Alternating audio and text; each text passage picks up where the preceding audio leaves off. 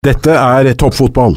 Hvorfor ler dere hver gang jeg prater opp med Obos? Nå må dere ta dere sammen, alle tre. Jeg mener har fått det laget til å overprestert noe så inn i skamperæva. Spill 23 minutter. 4-0. Faen.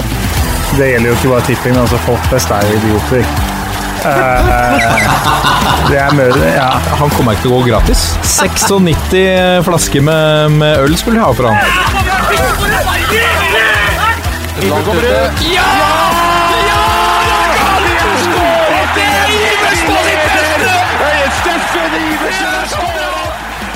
Og der er toppfotball endelig tilbake. Og eh, nå går det en liten stund mellom hver gang. Jeg ser det har blitt diskutert på Twitter også om eh, folk mener at eh, at eh, Vi er nødt til å nedprioritere selvfølgelig vårt privatliv og arbeidsliv og disse tingene her. Det har vært snakket om at noen ønsker å opprette en spleis for at vi kan dra inn litt cash på dette. Det er ikke, det er ikke motivasjonen. Eh, Så, så vi er nødt til å prioritere litt eh, inntekter også. Familieliv underveis her. Men nå er vi heldigvis samla igjen. Fordi én ting kan vi vel si sikkert, at eh, akkurat nå er det ikke sjuk konkurranse på markedet norske fotballpodkaster om norsk fotball. Men eh, heldigvis har vi en av de hva skal vi si, en av de mest rutinerte eh, innenfor eh, norske fotballpodkaster om norsk fotball tilbake i studio. Lasse Wangstein, velkommen. Takk for det, Martin Ropstad. Også, jeg sier gratulerer med dagen, Ikke sant? fordi det er i disse dager, eller det var i de, for en halvannen, to uker siden, seks år siden denne podkasten så dagens lys. Da denne ble født. Da denne ble født. Og så har vi vel ikke spilt inn noen særlige episoder siden første episode ble lagt ut i tidlig midten av mai der i 2016. Så da gratulerer med dagen til oss. Ikke sant? Og så vidt jeg husker, så satt vi tre i det studio. Vi hadde med oss en til. Daidalos selv var jo med da. Håvard. Håvard Lille Heie. Men vi tre, vi Heddy Locklear. Vår egen. Vår egen Heddle Locklear. Eh, Ivar Hoff han var også i, i, tidlig inn der. gjest. Han var tidlig gjest. Jeg mente det var 18. mai. Kanskje var det. Ja. Jeg hadde det oppi seg. Jeg Det er jo en mente det var sterk 12., episode. Men Eh, eh, det, det jeg snakket om mange ganger, men han trodde han skulle på fjernsyn. Så han hadde jo tatt på seg pynta seg. Så nesten som han hadde på i studiosminke også. Han var klar på med dressen. Litt skuffa at vi ikke kom med studio. Han, han kikka, satt jo i det studio og kikka Hvor er det Hvor er kamera? Sånn, det er ikke noe kamera, Ivar. Alt er på lyd. 12. mai. Jørn Andersen og Kim Jong-un heter Det er første episode. Vi ringte regissør eh, Godeste Tommy, husker ikke etternavn. Nei da, men det finner vi ut av snart. ja, ja. Han har, Nei, var i. Nord-Korea. Ja, ikke sant? Tommy Gulliksen. Ivar eh, Hoff episode 2, 18. mai. Ja, riktig, riktig. Første episode der har jeg hørt på i seinere tid. Kommer aldri til å høre på den igjen. Det, det kan jeg si. Det, er- det går eh, Det går Det er litt seigt, kan, vi- seigt, kan vi si. Uh, det var jo egentlig en pilot som hvis vi bare skulle teste. Ja. Så vi endte opp med bare å slippe det og få kjøre videre. Det er bra, det. Jørgen Ja, Kjernås, velkommen. Tusen takk for det. Husker du uh, vår første episode? Hva husker du fra det?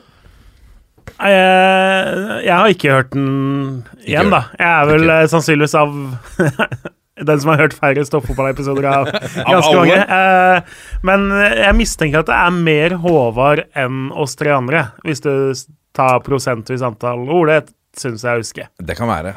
Og så husker jeg også så klart episode to at Ivar Hoff var litt mer eh, som du sier, velpynta enn oss andre i studio der. Det var han. Absolutt. Tror du han ble skuffa da han kom og så hvordan vi så ut? Vet ikke. Vet ikke. Det, Han var proff, da. Ja, meget proff. Meget proff. Ja, ja, Ja, til ja. fingerspissene. Klasse. Deilig at vi er samlet igjen. Eh, vi eh, skal jo snakke om eh, hvordan det går. Eliteserien Obos, litt PostNord. litt våre tanker om NM, hvor det er et eh, Et det er- oppsett. Det er et oppsett der, uh, med noen som ikke møter hverandre for første gang. Kan vi, uh, kan vi tease og si.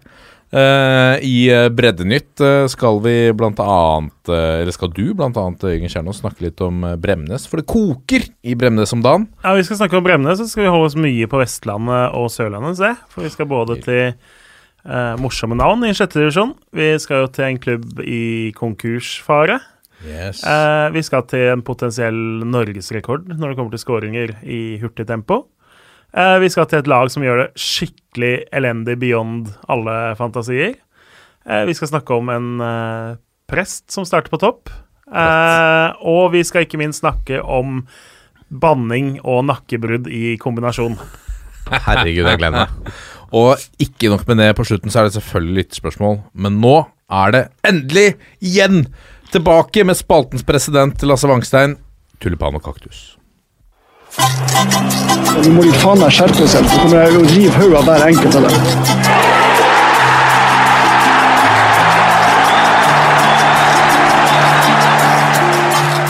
Og er det klart for ukens tulipan og kaktus ved spaltens president Lasse Wangstein. Endelig tilbake. Vær så god, Lasse. Takk for det, Martin. Eh, begynner med eh, en uh, lita kaktus. Ja. Har du, har du gleda deg til å rise litt igjen? Ja, det har jeg. og i dag er det Dag Ellef Fagermo Oh, som skal få tør du det, altså? Jeg tør det. Og det er akkurat derfor jeg tør. For og det handler jo ikke om resultatene til Vålerenga, og at eh, det er et lag med plan A som, og plan B, og så er plan B helt lik plan A. Altså, de har jo ikke noe å spille på når det eh, kniper litt. Det handler om måten han håndterer kritikk på. Fra fotballeksperter eller forstå seg på året. Fordi da mener jeg, når han går til sånn angrep som han gjør på Christian Gauseth, da. Eh, fordi Christian Gauseth har kritisert, og så er det sånn eh, Jeg gidder ikke høre på folk som spilte i Mjøndalen og sånn piss som det der.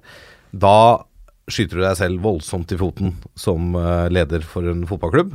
For det, altså, det, her kunne Dag Eilif Fagermo enkelt hevet seg over og svart på kritikken på ordentlig måte. Han velger å gå rett i angrep og liksom prøve å devaluere Christian Gauseth. Eh, det syns jeg er sånn, Det er så tarvelig å gjøre det på den måten. Og det viser jo at han egentlig ikke har noen respons. Han viser jo kanskje at eh, Med den måten da, så viser han kanskje at Gauseth har rett i mye av kritikken. Og da er det kaktus. For det, sånn syns jeg ikke en hovedtrener i, eh, i hovedstadsklubben Vålerenga skal opptre. Eh, ja. Så det er bare Og det er vel litt sånn, litt sånn uventa Altså, Fagmo er jo sannsynligvis ligaens egentlig beste på Altså retorisk, eller i hvert fall har vært det. Han har vært en mester i å håndtere en del Ja. sånne liksom vanskelige situasjoner. Med å kontre tilbake med litt humor, kanskje. Det, dette er litt sånn nesten sånn Mourinhosk. ja ja, og jeg vet ikke om han prøver på humor. Kanskje det kan være feilslått. Ja, det kan jo hende at det er det, men det, det, det blir bare så Det blir så platt, da. Eh, og han liksom henger seg opp i hvem som ytrer kritikken, ikke hva kritikken handler om. Og det, de, og det speiler seg jo litt i en av spillerne som blir kritisert. eh, Chris, nei, eh, Vidar Ørn Kjartansson. uh, som da også liksom kontrer litt mot Gauseth, og det er pisspreik og sånn, fordi at han ikke har blitt kritisert for å ikke jobbe og jadi-jadi. Eh, og det er jo bare å se Vålerenga-kampene. Det er ikke alltid at Kjartansson er først i pressledd.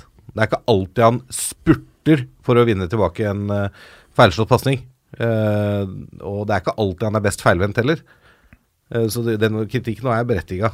Eh, så det Nei, jeg syns bare det er eh, Jeg syns ikke det kler verken Vålerenga som klubb eller Dag Eilif Fagermo som trener å fremstå på den måten.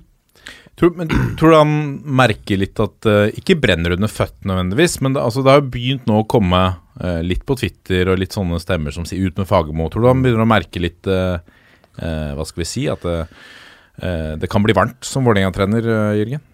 Jeg tror en dag Eilef Fagermo med resultater og spill som ikke funker, er vanskeligere å få gode intervjuer med enn en Fagermo som uh, tar laget mot medalje. Altså det, altså, det er jo litt sånn Mourinho-takter. Få heller oppmerksomhet på det treneren sier, og liksom det han vil fokusere på. Han vil ikke egentlig svare på det med Kjartansson, fordi det er jo faktisk et poeng. Det er klart at Gauseth bruker jo tabloide vendinger på det osv., men at det ligger et poeng der som stemmer, det er ganske utvilsomt, uansett hva Fagermo vil innrømme eller ikke. Men han slipper jo egentlig å svare på det, for han heller går til angrep på Gauseth, og da trenger han ikke svare på det faktiske spørsmålet. Så akkurat sånn som jeg gjorde nå, så svarte han heller på noe helt annet. Men, det, er det, det er jo sikkert for mange veldig lett å ta Gauseth òg, fordi at han akkurat som Jørgen sier, er tabloid. Og snakker høyt og roper høyest og er, er den han er, da. I, på godt og vondt. Så er det sikkert lett å gå etter han som type, istedenfor å faktisk evne å se poengene han prøver å formulere i, inni alt dette tabloide fjåset. Så det Ja. Så det, og så skal han få lov å dele kaktusen med Jeg vet ikke om han er sjefen hans, eller om Dag Eilif er sjefen til eh, Joakim Jønsson, men Joakim Jønsson har jo vært veldig høy og mørk som ekspert og slakta alle sportsdirektører som eh, ikke er synlige. Så jeg har jo ikke hørt fra Jokke Jønsson siden han ble ansatt i Vålerenga. Hører på Trikkeligaen, jeg så han er gjest her nå. Ja, ok, Men skulle ikke han være sirkusdirektør også? Skulle han ikke også være med å løfte opp Vålerenga som klubb og norsk fotball? Han, eh, det, var, det har jo han lova gull og grønne skoger i mange år, hvis han skulle få en sånn rolle. Det er på tide å komme seg på jobb, Jokke. Det på mange måter. Hvor men den, den er litt vans, vanskelig Altså, det er opplagt da, at du kan ikke det er, en, det er en helt annen rolle. Du kan ikke For det første kan ikke fyre like hardt eh, alle mulige retninger når du faktisk har en jobb som eh, sportssjef i, i Vålerenga. Uh, det er jo sikkert en balanse der som er litt vanskelig for han. da Og, og det er ikke naturlig at han henger seg på i alle mulige diskusjoner, med mindre han blir spurt direkte. Nei da, selvfølgelig. Og det kan hende at han ikke blir spurt direkte så mye, for dette holder, holder å gå på Fagermo. Du får som regel noen overskrifter da. Mm. Men um, ja, jeg har savna uh, Jokkes uh, blide åsyn i media de siste ukene. Det har jeg. Også, Mens- ja. Ja, men bare for, Mens vi holder Eller vi kan kanskje komme tilbake til Vålerenga i pulsen. da vi kan, Så kan du gå videre med Er det mer refs? Og, ja, en liten kaktus til. Vi skal ha tre. Ja, nei, det er jo egentlig én til Vålerenga. Okay. Som Dag, Dag. Eiler får, og så får uh, Jokke Jønsson en liten flik av den. Skjønner. Og så sender vi en bitte liten kaktus i retning Trondheim òg. Ja, riktig. Eh, for det, og det handler igjen da om hvordan man oppfører seg, og hvilke signaler man sender. Og det går jo på etterkampen mellom uh, HamKam og Rosenborg. Selvsagt. Eh, Kjetil Rekdals uh, Ja, han glemte rett og slett å takke Espen Olsen for kampen. Det Han kunne bare strakt fram lanken og gitt den hånda, og så godt. Trengte ikke å si noe, trengte ikke å gestikulere, trengte ikke å gjøre det så tydelig. Han, altså Kjetil Rekdal har vært i gamet så lenge at han veit at det er kamera på den kampen. Både stillbildekameraer og videokameraer. Eh, og, da, og, no, og måten han også da svarer på etterpå, gjør jo enda dummere, ikke sant? Altså Det er noe bitterhet her, det er noe sure miner, og det, det er greit, det. altså Kjetil Rekdal han glemmer ikke så lett, så det, det er greit nok. Men han kunne hevet seg over det. Espen Olsen prøvde det, å strekke ut lanken. Kunne takka for kampen, så hadde det ikke blitt sak i det hele tatt. Altså, nå lager han heller masse ekstra støy for seg selv og klubben sin. Men tror du han, han eh, gjør det bevisst der og da for å gi et spark uten å gidde å gjøre noe mer med det, eller tror du han glemmer seg at det liksom Shit. Det er følelsen som Ja, tar over overhånd. det, det er veldig vanskelig å si. Jeg skulle gjerne vært inni hodet til Reka Jeg har, litt, jeg har litt vanskelighet for å tro at liksom, følelsene hans For han er så iskald. Han har alltid Nei da, vært så nei, nei, men altså han kan la seg spille på følelser, han altså. Ja, ja. Så, men, men eh, han er jo også en uh, taktiker, så det kan godt hende at det er som du sier, at det er helt kalkulert. Men så kanskje han ikke så at det skulle bli så mye oppstuss på det. Ja. Jeg vet ikke. Jeg vet ikke. Det har jo gått uh, litt rykter om at det er eh, Det vet vi også, at de, eh, det har vært eh, hete diskusjoner og forhandlinger fram og tilbake. Det har bare gått rolig for seg. Det har vært mye Neida. følelser på eh, begge sider der i forbindelse med Christian Eriksen og uh, både Frigård og Rekdal. Så ehm, så det er jo uh, interessant. Men det er jo Ja, det, jeg syns det er veldig interessant at du, du på en måte velger, eller Jeg er spent på om han, hvis han kunne gjort det igjen, om han har gjort det samme. Ja, det er, det er noe med det. Om han gjør det samme på Lerkendal. Ja. Senere år, hvis han fortsatt er, er, i den det er rollen. Det blir fått en kampen i kampen, eh, Lasse. Ja, det blir det. Eh, og så må vi jo dele ut noen tulipaner òg, da. Helt riktig. Eh, første tulipanen eh, sender vi i retning Frankrike. Oh. Fordi eh, Ada Hegerberg, altså. Nå har hun vel vunnet Champions League for fjerde gang, eller? Rått. Som spiller. Eh, leverer altså mål og målgivende i finalen mot Barcelona. Etter å ha vært skadeplaga de luxe i to år. Har sakte, men sikkert kommet seg tilbake. Har igjen, er tilbake på landslaget og gjorde comeback der med noen skåringer. Og går ut da i Champions League-finalen og er ja, kvinnens lirare. Nei, kampens lirare, ikke sant. Ja. Eh, det er, nei, altså det er eh, bare å hylle dama. Hun er en fantastisk fotballspiller. eh, og det er så gøy at hun er norsk. Tenk at vi har to, da, på den største scenen. Tre. Altså, ja, altså, så det, er- det er faktisk sjette gang, men det er vel fjerde finalen hun scorer i. Av ja, de det er seks kanskje det der er sjette gang hun vinner, ja. Ikke sant? Ja. Ja. Eh, men ja, som du sier, Caroline Graham Hansen òg. Assisten er ganske fin. Den er nydelig, den. uh, og Barcelona var jo storfavoritter, så det gjør jo på en måte Hegerberg sin prestasjon enda mer imponerende. Fordi veldig mange av de fem første seierne så har Lyon vært kjempefavoritter til å vinne hele greia og vinne finalen. Ja. Nå kom de faktisk litt som underdog, og det er ikke så ofte de har opplevd de, de siste sesongene. Eh, litt sånn revansjelystne. Barcelona var ganske suverene i fjor. Da var Graham Hansen vår nummer én. Eh, nå er Hegerberg tilbake, og det gjør jo at vi kan begynne i hvert fall å ha visse forhåpninger inn mot uh, sommerens mesterskap. da, fordi forskjellen på Hegerberg på topp eller ikke er ganske åpenbar at er svær. Er det lov å, å håpe på noe Gå videre fra gruppespillet, i hvert fall. Oh, det var, det var raust. Nei, men det, altså, det er jo lov å drømme, men uh, klart eh, Er det vi en er drøm? en- vi er er vi jo- har verdens beste Nei, men- To av verdens beste Ja, men vi har jo en Ja, av verdens fordi- beste spillere på uh, herrelandslaget òg. ja, ja.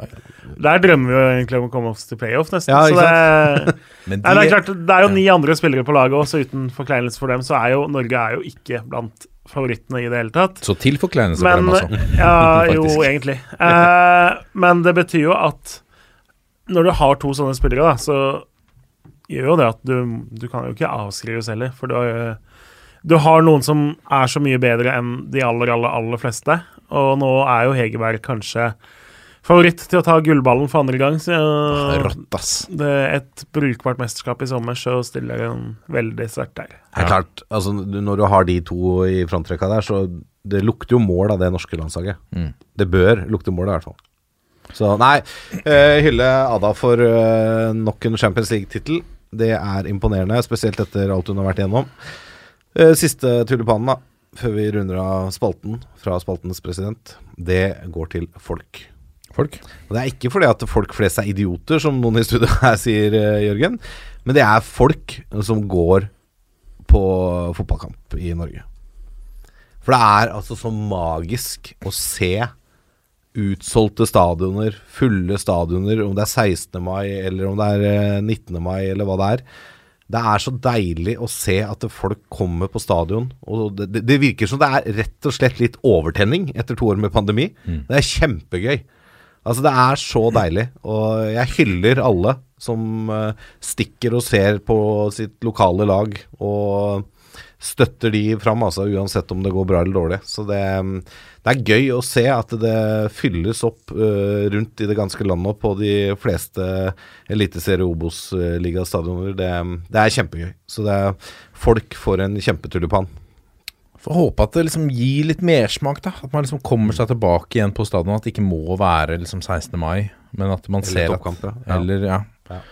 Um, nei, det, det, det, var, det var stort å se. Det var uh, Jeg føler at vi er uh, Altså, vi er, vi er på hva skal jeg si Vi er på starten av noe litt eh, stort. Så håper jeg nå, når TV 2 kommer inn, tar over rettighetene fullt, at det gi- gis en eller annen slags sånn skikkelig kickstart. Ja, Vi har jo snakka litt om det før. Altså, Utfordringen til Discovery, som jeg syns har håndtert rettighetene meget bra, har jo vært at de ikke har noen nyhetskanal eller en nyhetsplattform å dele innhold på, annet enn en nettside som du må trykke at du aksepterer cookies på 17 oh, ganger hver gang du går inn. er det er så så, jævlig irriterende. Og den eh, Og la oss, ta, altså bare, la oss være helt ærlige her. Den nett-TV-applikasjonen også er helt forferdelig å ha med å gjøre. Altså. den er det. Men uh, nå får Fiks- du da en rettighetshaver som har nyhetskanalen. Ikke sant? De har sportskanaler, de har Allerede begynt å pumpe Ja, ja. på TV2.no Ja, ja, sånn. helt klart. Og det, det kommer til å øke interessen. Det så vi forrige gang TV 2 hadde rettigheten også.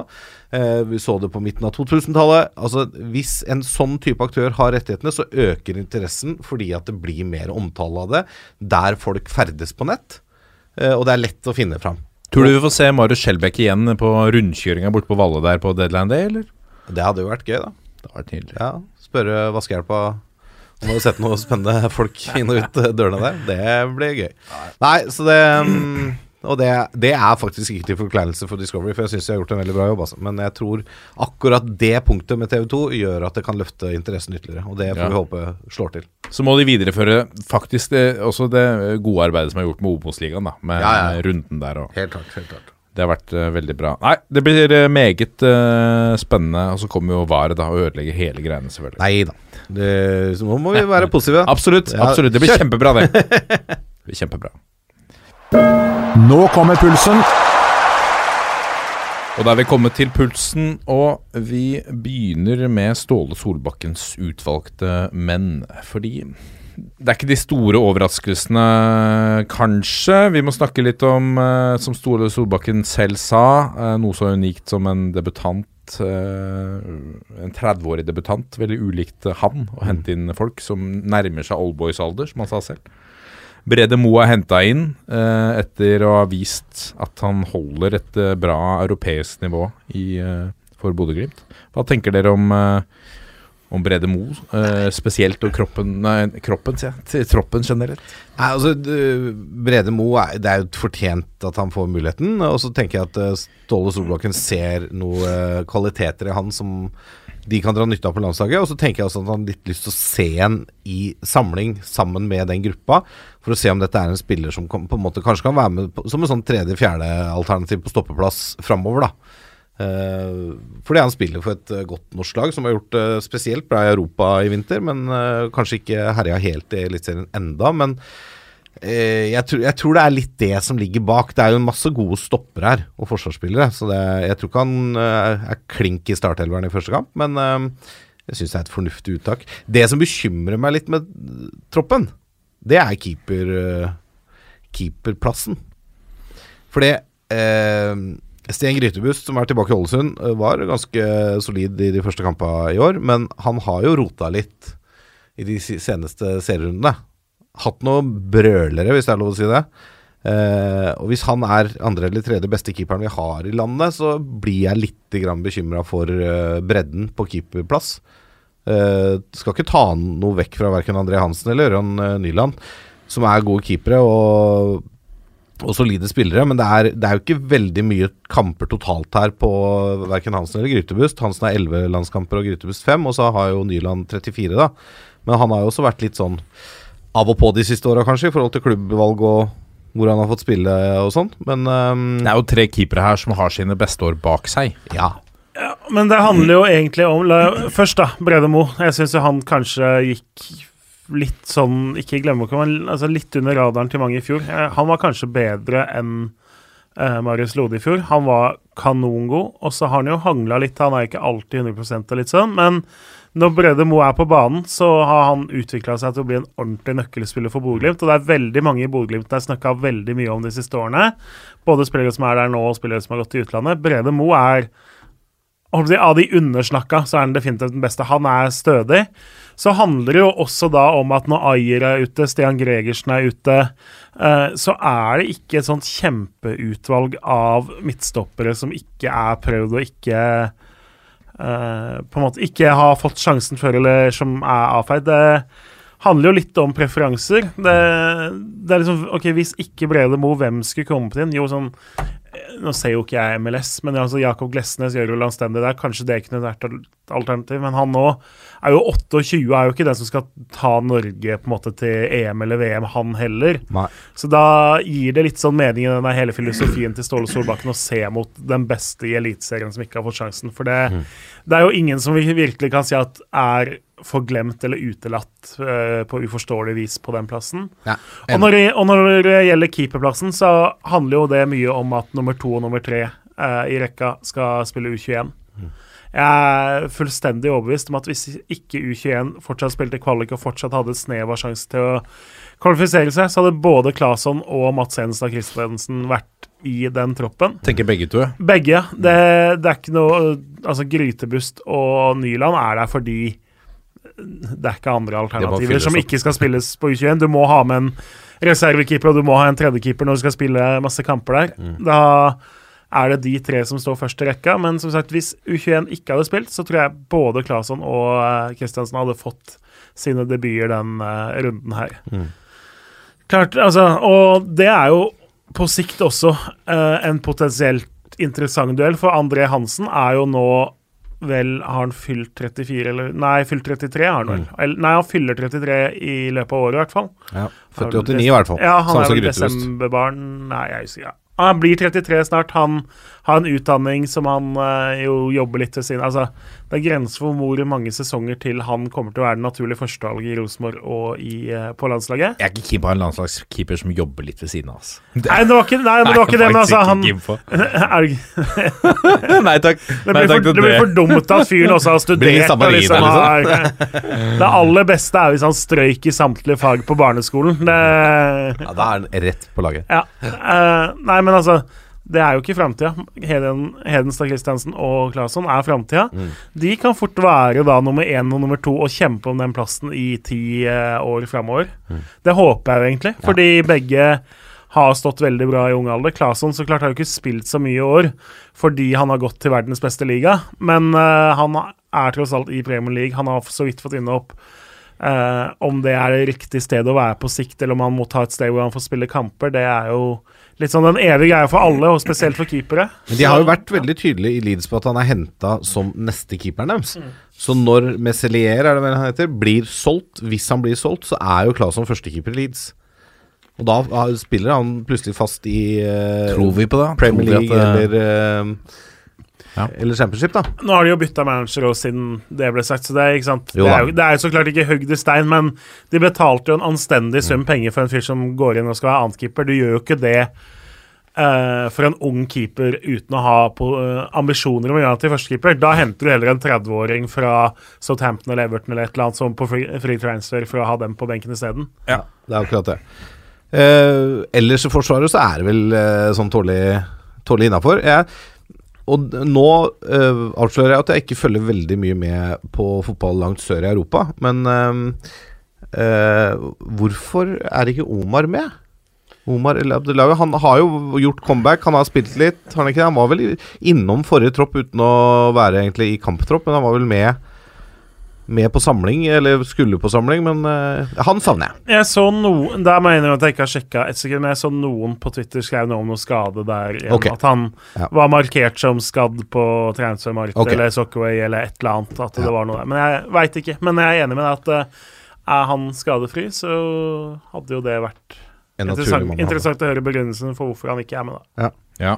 En annen mann, eh, apropos eh, sørligere breddegrader, Dennis eh, Torseth eh, Johnsen, er inne i troppen igjen. Det må jo være fordi han Altså, Solbakken har en tanke her da, om at det er en mann som kan utgjøre en forskjell? Eller er det for å være god på trening?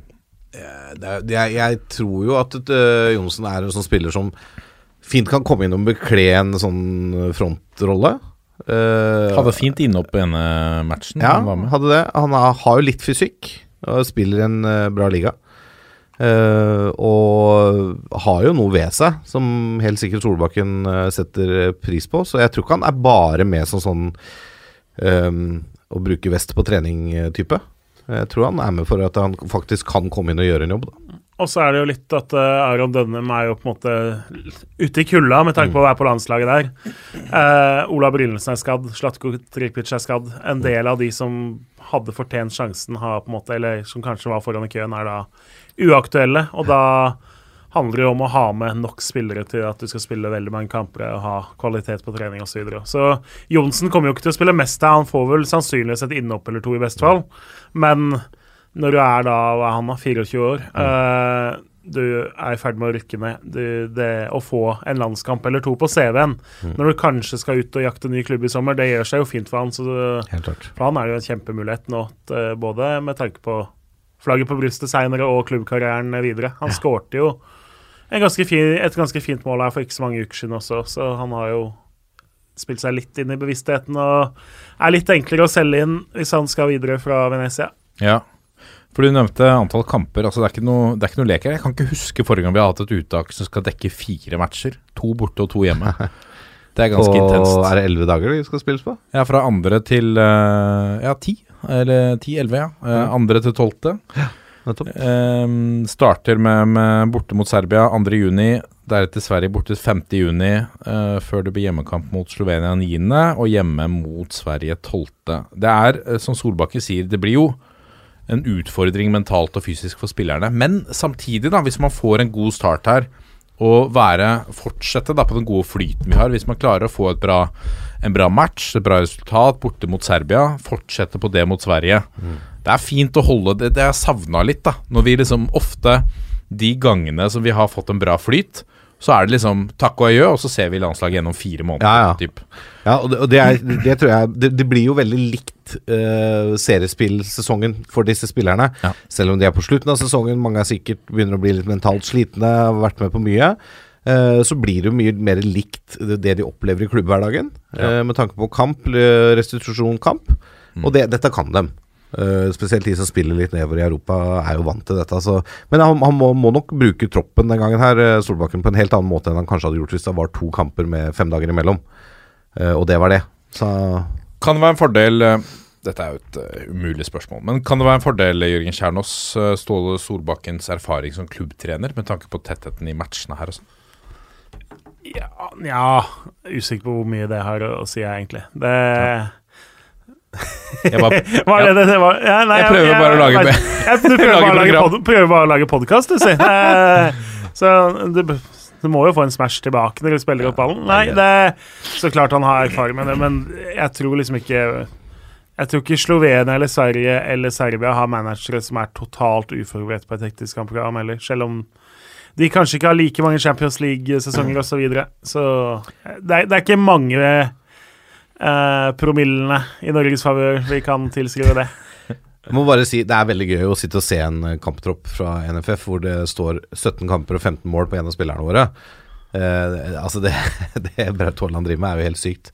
Men jeg kjenner også, når jeg leser den kamptroppen i tabellform fra NFF, så kicker OCD-en min inn, altså. Ja. For her har du da, ikke sant Du begynner da fint og flott med tre keepere, og så kommer det en gjeng med forsvarsspillere, og så kommer Leo Skiri Østegård. Han har ikke posisjon. Nei. Der er det åpent.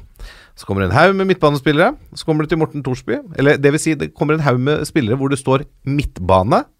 Så kommer Morten Thorsby, midtbanespiller. ja. Og så kommer dette, er, dette er jo nerding på Ja, høyt det er nivå. nerding og OCD. Ja, Og så kommer Christian Thorstvedt, angrep. Og så kommer Martin Ødegaard, midtbane. Og så kommer de fire siste angrepsspillerne som angrep. ja. Dette må være mulig å få litt mer ryddig, eller? Eh, Det er ikke det viktigste arbeidet som står Nei. foran NFF. Eh, Nei, nei, eh, overhodet ikke. Så hvis er- dere har andre ting å prioritere, så gjør det. Gjør, gjør gjerne det. Altså. Men eh, Bare når dere har tid, så ta, gi. Leo Shiri Østegård en posisjon. Da, Ja, han er forsvar. Han er forsvar, ikke sant. Ellers er det sånn, er sånn som Bent Inge Johnsen for eksempel var en gang i teater. det var liksom det var litt, Umulig. ja, midt, Nei, men midtstopper, midtbane, spiss. Eh, litt sånn ut fra kampbehov og sånne ting. Jorge Campos, Jorge Campos keeper. Skråstrek spiss og sånn. Ja. Mm. Ikke Keeper minst. angrep hadde det stått her, da. Det er riktig. Og du hadde- og så hadde du jo på, Higuita? på ene CM Noah Ale Nei, oh, Niklas Aleksandersson. Faren til Moss-spiller Noah Aleksandersson. Han var vel alle posisjoner, tror jeg. Og ganske god. Han var helt nydelig å hente, Fordi da hadde du ganske få på benken og sånn. Da hadde du en som kunne sette inn i alle posisjoner. Bra dekning på eh, én. Ja. Så definisjonen av fin å ha på benken. Det er vakkert. Det er vakkert. Jeg var bare sidespor. Beklager. Det var i høyeste grad et sidespor. Men jeg Eh, trenger den podkasten her. ja, ja, ja, denne er jo Vi har jo aldri sidespor, med det Vi eh, La oss ta for oss veldig kort da U21-troppen også. Um, ikke de store overraskelsene, kanskje. Uh, det er jo litt artig, som uh, Jørgen påpekte, at vi mest sannsynlig har to av våre A-landslagskeepere som uh, vokter buret der. Ikke samtidig, men Men kunne vi ikke Altså, begge disse to skal jo ikke stå på U21. Kunne vi ikke putta han ene i troppen på, på A, da? Henta inn noen andre på U21? Og gitt den A-lagsmuligheten i en Nations League. Det er vel Ja. litt at begge skal Altså, vi i U21 nå spiller tre kamper, da. Så det er vel litt om at begge skal Kanskje på en skal måte, litt, begge to. være med der. Kanskje du vurderer at den ene har kvaliteter som passer i kamper hvor den andre kan spille andre kamper. Også. Ja, eller så, usikker, da. Om liksom er Hedenstad Kristiansen førstevalget fordi han spiller kamper hele tiden? Eller er Claesson en litt bedre keeper, så han skal spille? Altså Det er sikkert noen sånne vurderinger vi ikke har klart å fatte helt ennå. da. Vi ser litt på trening og hvordan de ser ut, kanskje. Sander Tangvik er vel tredjekeeper, kan vi stå, slå fast. Ja, det tror jeg. Jeg tror ikke vi eh, kaster noen under bussen da. Nei. Og så er det jo Jeg, jeg forstår de som um, Ja, ikke sant, nå fikk jo jeg helt jernteppe, da, men han der Molde-spilleren som uh, var innom uh, Mansvik, Mannsverk Ja, Sivert. Eh, Sivert Mannsverk. Jeg skjønner jo at folk savner han i troppen når f.eks. Tobias eh, Christensen fra Vålerenga er med. Eh, sånn, altså Jeg har sett det har vært nevnt på Twitter. Ja, hva har skjedd der? Fordi eh, han ha- har jo ikke vært Altså uh, Smerud mente jo at han han, eh, han måtte ta seg litt sammen, eller, eller heve seg litt igjen, uh, mannsverk. Men han har vel spilt det brukbart etter det?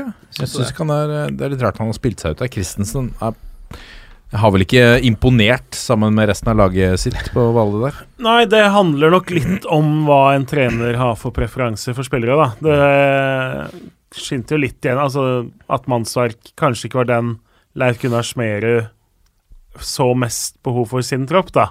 Han var jo på U20 sist nå, vel, og som du sier, jeg syns jo mannsverk har vært stort sett strålende for uh, Molde, selv om igjen et sidespor det irriterer meg. Ok, Du skårer på en straffe i cupfinalen, det blir liksom matchen, men det var ikke måte på liksom hvor hvor ung han var, eller hvor eh, kylig den straffen var, da. Det, men det igjen et sidespor.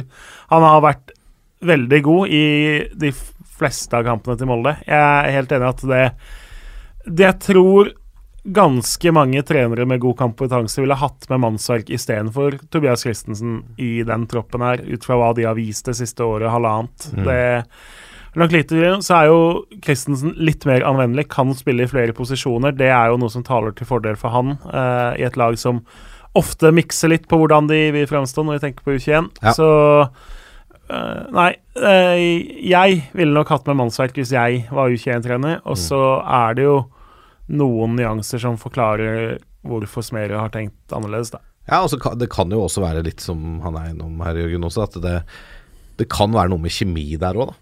Altså at det mannsverk Smerud ikke går sånn veldig godt i hop. Og det er jo en treners uh, rett, det holdt jeg på å si, til å velge de han eh, vil ha med i troppen sin. Og han har også lov til å velge noen som kanskje ikke har prestert like godt som andre, fordi at uh, han mener at vedkommende passer bedre inn, eller sånn. Ja. Det må være greit, det. Men jeg skjønner kritikken. Ja. Mm. Det er jo verdt å nevne her, da. Johan Hove i strålende form for godset. Eh, nå, nå igjen forrige runde. Eh, Hugo Vetlesen har jo hatt en enorm eh, sesong i, i Europa. Eh, eh, Emil Konradsen Seid eh, litt ut i kulda i Sassulo. Noah Holm ikke helt funnet ut av det i, i Rosenborg. Så det er liksom en litt sånn miks av spillere som Erik Som- Botheim uten klubb. uten klubb, men står oppført her som eh, Krasnodar. Ja. Der har vi ikke hørt noe. Vi ville Bare at den er, kontrakten er terminert, Yes. vi. Og Bodø-Glimt har tapt litt penger på det, eller ikke fått alle pengene de skulle ha. Ja, jeg ville heller ikke betalt alle pengene. Hvis jeg Nå har vel strengt tatt ikke en russisk klubb lov til å betale penger til en norsk klubb heller, da. Ikke sant? For det er vel noen sanksjoner den veien der, så det- Bodø-Glimt kunne ikke tatt imot de pengene uansett. Men Botheim sitter jo tross alt med ganske fine kort, da. Altså, Ja da. Sk- skal som agent selge en spiss. Han ble kjøpt for 80 eller 100 millioner, eller hva det var snakk om for seks måneder siden. Nå kan du få han gratis. Gi oss litt Simon-fil, liksom, så går vi til det, det er ganske gode kort å ha fått delt ut der, så klart. Men nå har det jo gått ganske mange måneder uten kamper, så for han så blir jo faktisk de kampene er viktig, fordi han trenger jo faktisk å få spilt kamper som betyr noe, ikke bare trene litt med Stabæk her og være litt på trening med noen andre der og drive på for seg selv. Så eh, Norge har jo ikke det vanvittig håpet om kvalifisering. Det er mye som skal gå vår vei, men mange av spillerne har eh, Det er mye agenter, det er mye speidere på de kampene. Eh, det kommer til å være mange på Marienlyst, så Botheim er blant de som får en veldig fin mulighet til å skape seg neste steg i karrieren sin i løpet av de kampene her. Han spiller for eh, Han spiller for ny klubb, han rett og slett. Ja, han må jo egentlig vise noe, altså hvis eh, han vil komme seg Jeg regner jo med han har et mål først og fremst, sånn som mange har, om å komme seg til en av de tre, fire, fem beste ligaene. Det er jo ikke sånn at det er selvsagt at han skal det. Skal han nå det, så bør, bør nok han vise noe i de kampene her for at det skal bli mer reelt i løpet av den sommeren her. ja. Skal vi gå videre da til eh, å snakke litt om uh, Eliteserien? Her er det eh, jo selvfølgelig utømmelig med, med ting vi kan snakke om. Jeg har lyst til å, lyst til å begynne helt på topp, jeg, for vi har eh, Vi har eh, et, eh, et lag som er ubeseira så langt, og det er Lillestrøm, eh, som vi har snakket om tidligere, som eh, står med seks seire, to uøverte. Eh, vi må kunne si at det, det begynner å, å være ganske imponerende, eller? Når vi har rundet åtte runder? Ja, det er kjempeimponerende. Uh, Lillestrøm var jo vi, eller i hvert fall jeg, var litt sånn måtelig skeptisk til. Ikke, ikke skeptisk, men jeg trodde de skulle få slite med å følge opp fjoråret. Og det én ting er jo veldig naturlig i at Thomas Lene Olsen var borte. Han skårte en million mål i fjor. Hvordan skal du erstatte det? 55, 55 av skåringene. Ikke sant? Han så helt eventyrlig ut, og de hadde den derre ubestemmelige flyten som du bare oppnår ved at du får litt resultater som går litt inn og så plutselig så bare slipper du ned skuldra og vinner neste kamp, og fordi ting føles lettere, så bare er du inne i en sånn bølge som ikke nødvendigvis har noe med kvaliteter, men som er liksom en sånn vanskelig beregnelig ting i fotball. da. Der Lillestrøm traff på så mye i fjor at man følte liksom at det er litt naturlig med en rekyl i år, men de, altså, de ser ut som en tittelkandidat. Vi kan ikke si noe annet. Nei, nei. Altså, det- altså alle på Åråsen kommer jo selvfølgelig nå til å slakte oss for å si det her, for det, det kan aldri gå. Det er, Og Antimaning er man jo god på, eller maning, eller hva? Anti-antimaning, jeg vet ikke helt hva. Ja. Søk opp det ordet. Maning. Du finner, det er ikke noe forklaring på det. Det er bare et ord som noen har funnet på. Ja. Men uh, uansett, og noen kommer til å si at det mangler fortsatt 14 poeng for sikker plass. Ikke sant? Men du, ka, du kommer ikke unna med seks seire, to over til null tap på de åtte første kampene, og du er serieleder. Av poeng med Viking, som har én kamp mer spilt. Og det er fire poeng ned til Molde, som er en seriefavoritt før sesongstart.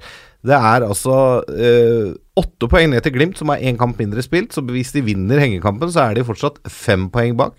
Du kommer ikke unna at Lillestrøm og delvis Viking akkurat nå er de to soleklare gullkandidatene i Eliteserien. Altså, sånn er det bare. De, altså, Lillestrøm går nå inn i hver kamp som storfavoritter. For det de har prestert så langt, det er bunnsolid. Eh, så det og, det og det virker jo På de lille glimta man får da gjennom media og sosiale medier og intervjuer og sånne ting, så virker det som den der troppen der er så samla også. Eh, og det er en hærfører der i Gjermund Aasen som virker som en fantastisk kapteinstype. Eh, som, altså de drar i samme retning hele tida. De nullstiller og peiser på videre. Minner meg lite grann om sånn Som da Bodø-Glimt begynte å røre på seg.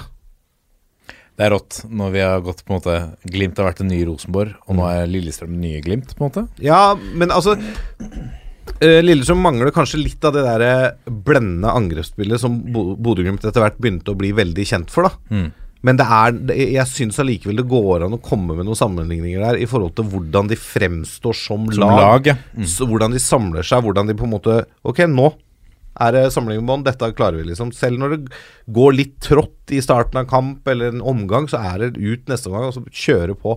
Det er kjempeimponerende det de, det Geir Bakke og Petter Myhre har fått til oppe på Åråsen der. Og det, de er en gullkandidat. Det er ikke noe mer å si om det, egentlig. Har eh, Bodø-Glimt blitt dårligere, eller har de andre lagene blitt bedre? Eh, Kjetil Knutsen mente jo det sistnevnte, at det virker som serien har blitt bedre. Er det en måte å liksom eh, snakke litt bort det at de har begynt å bli litt eh, Hva skal vi si?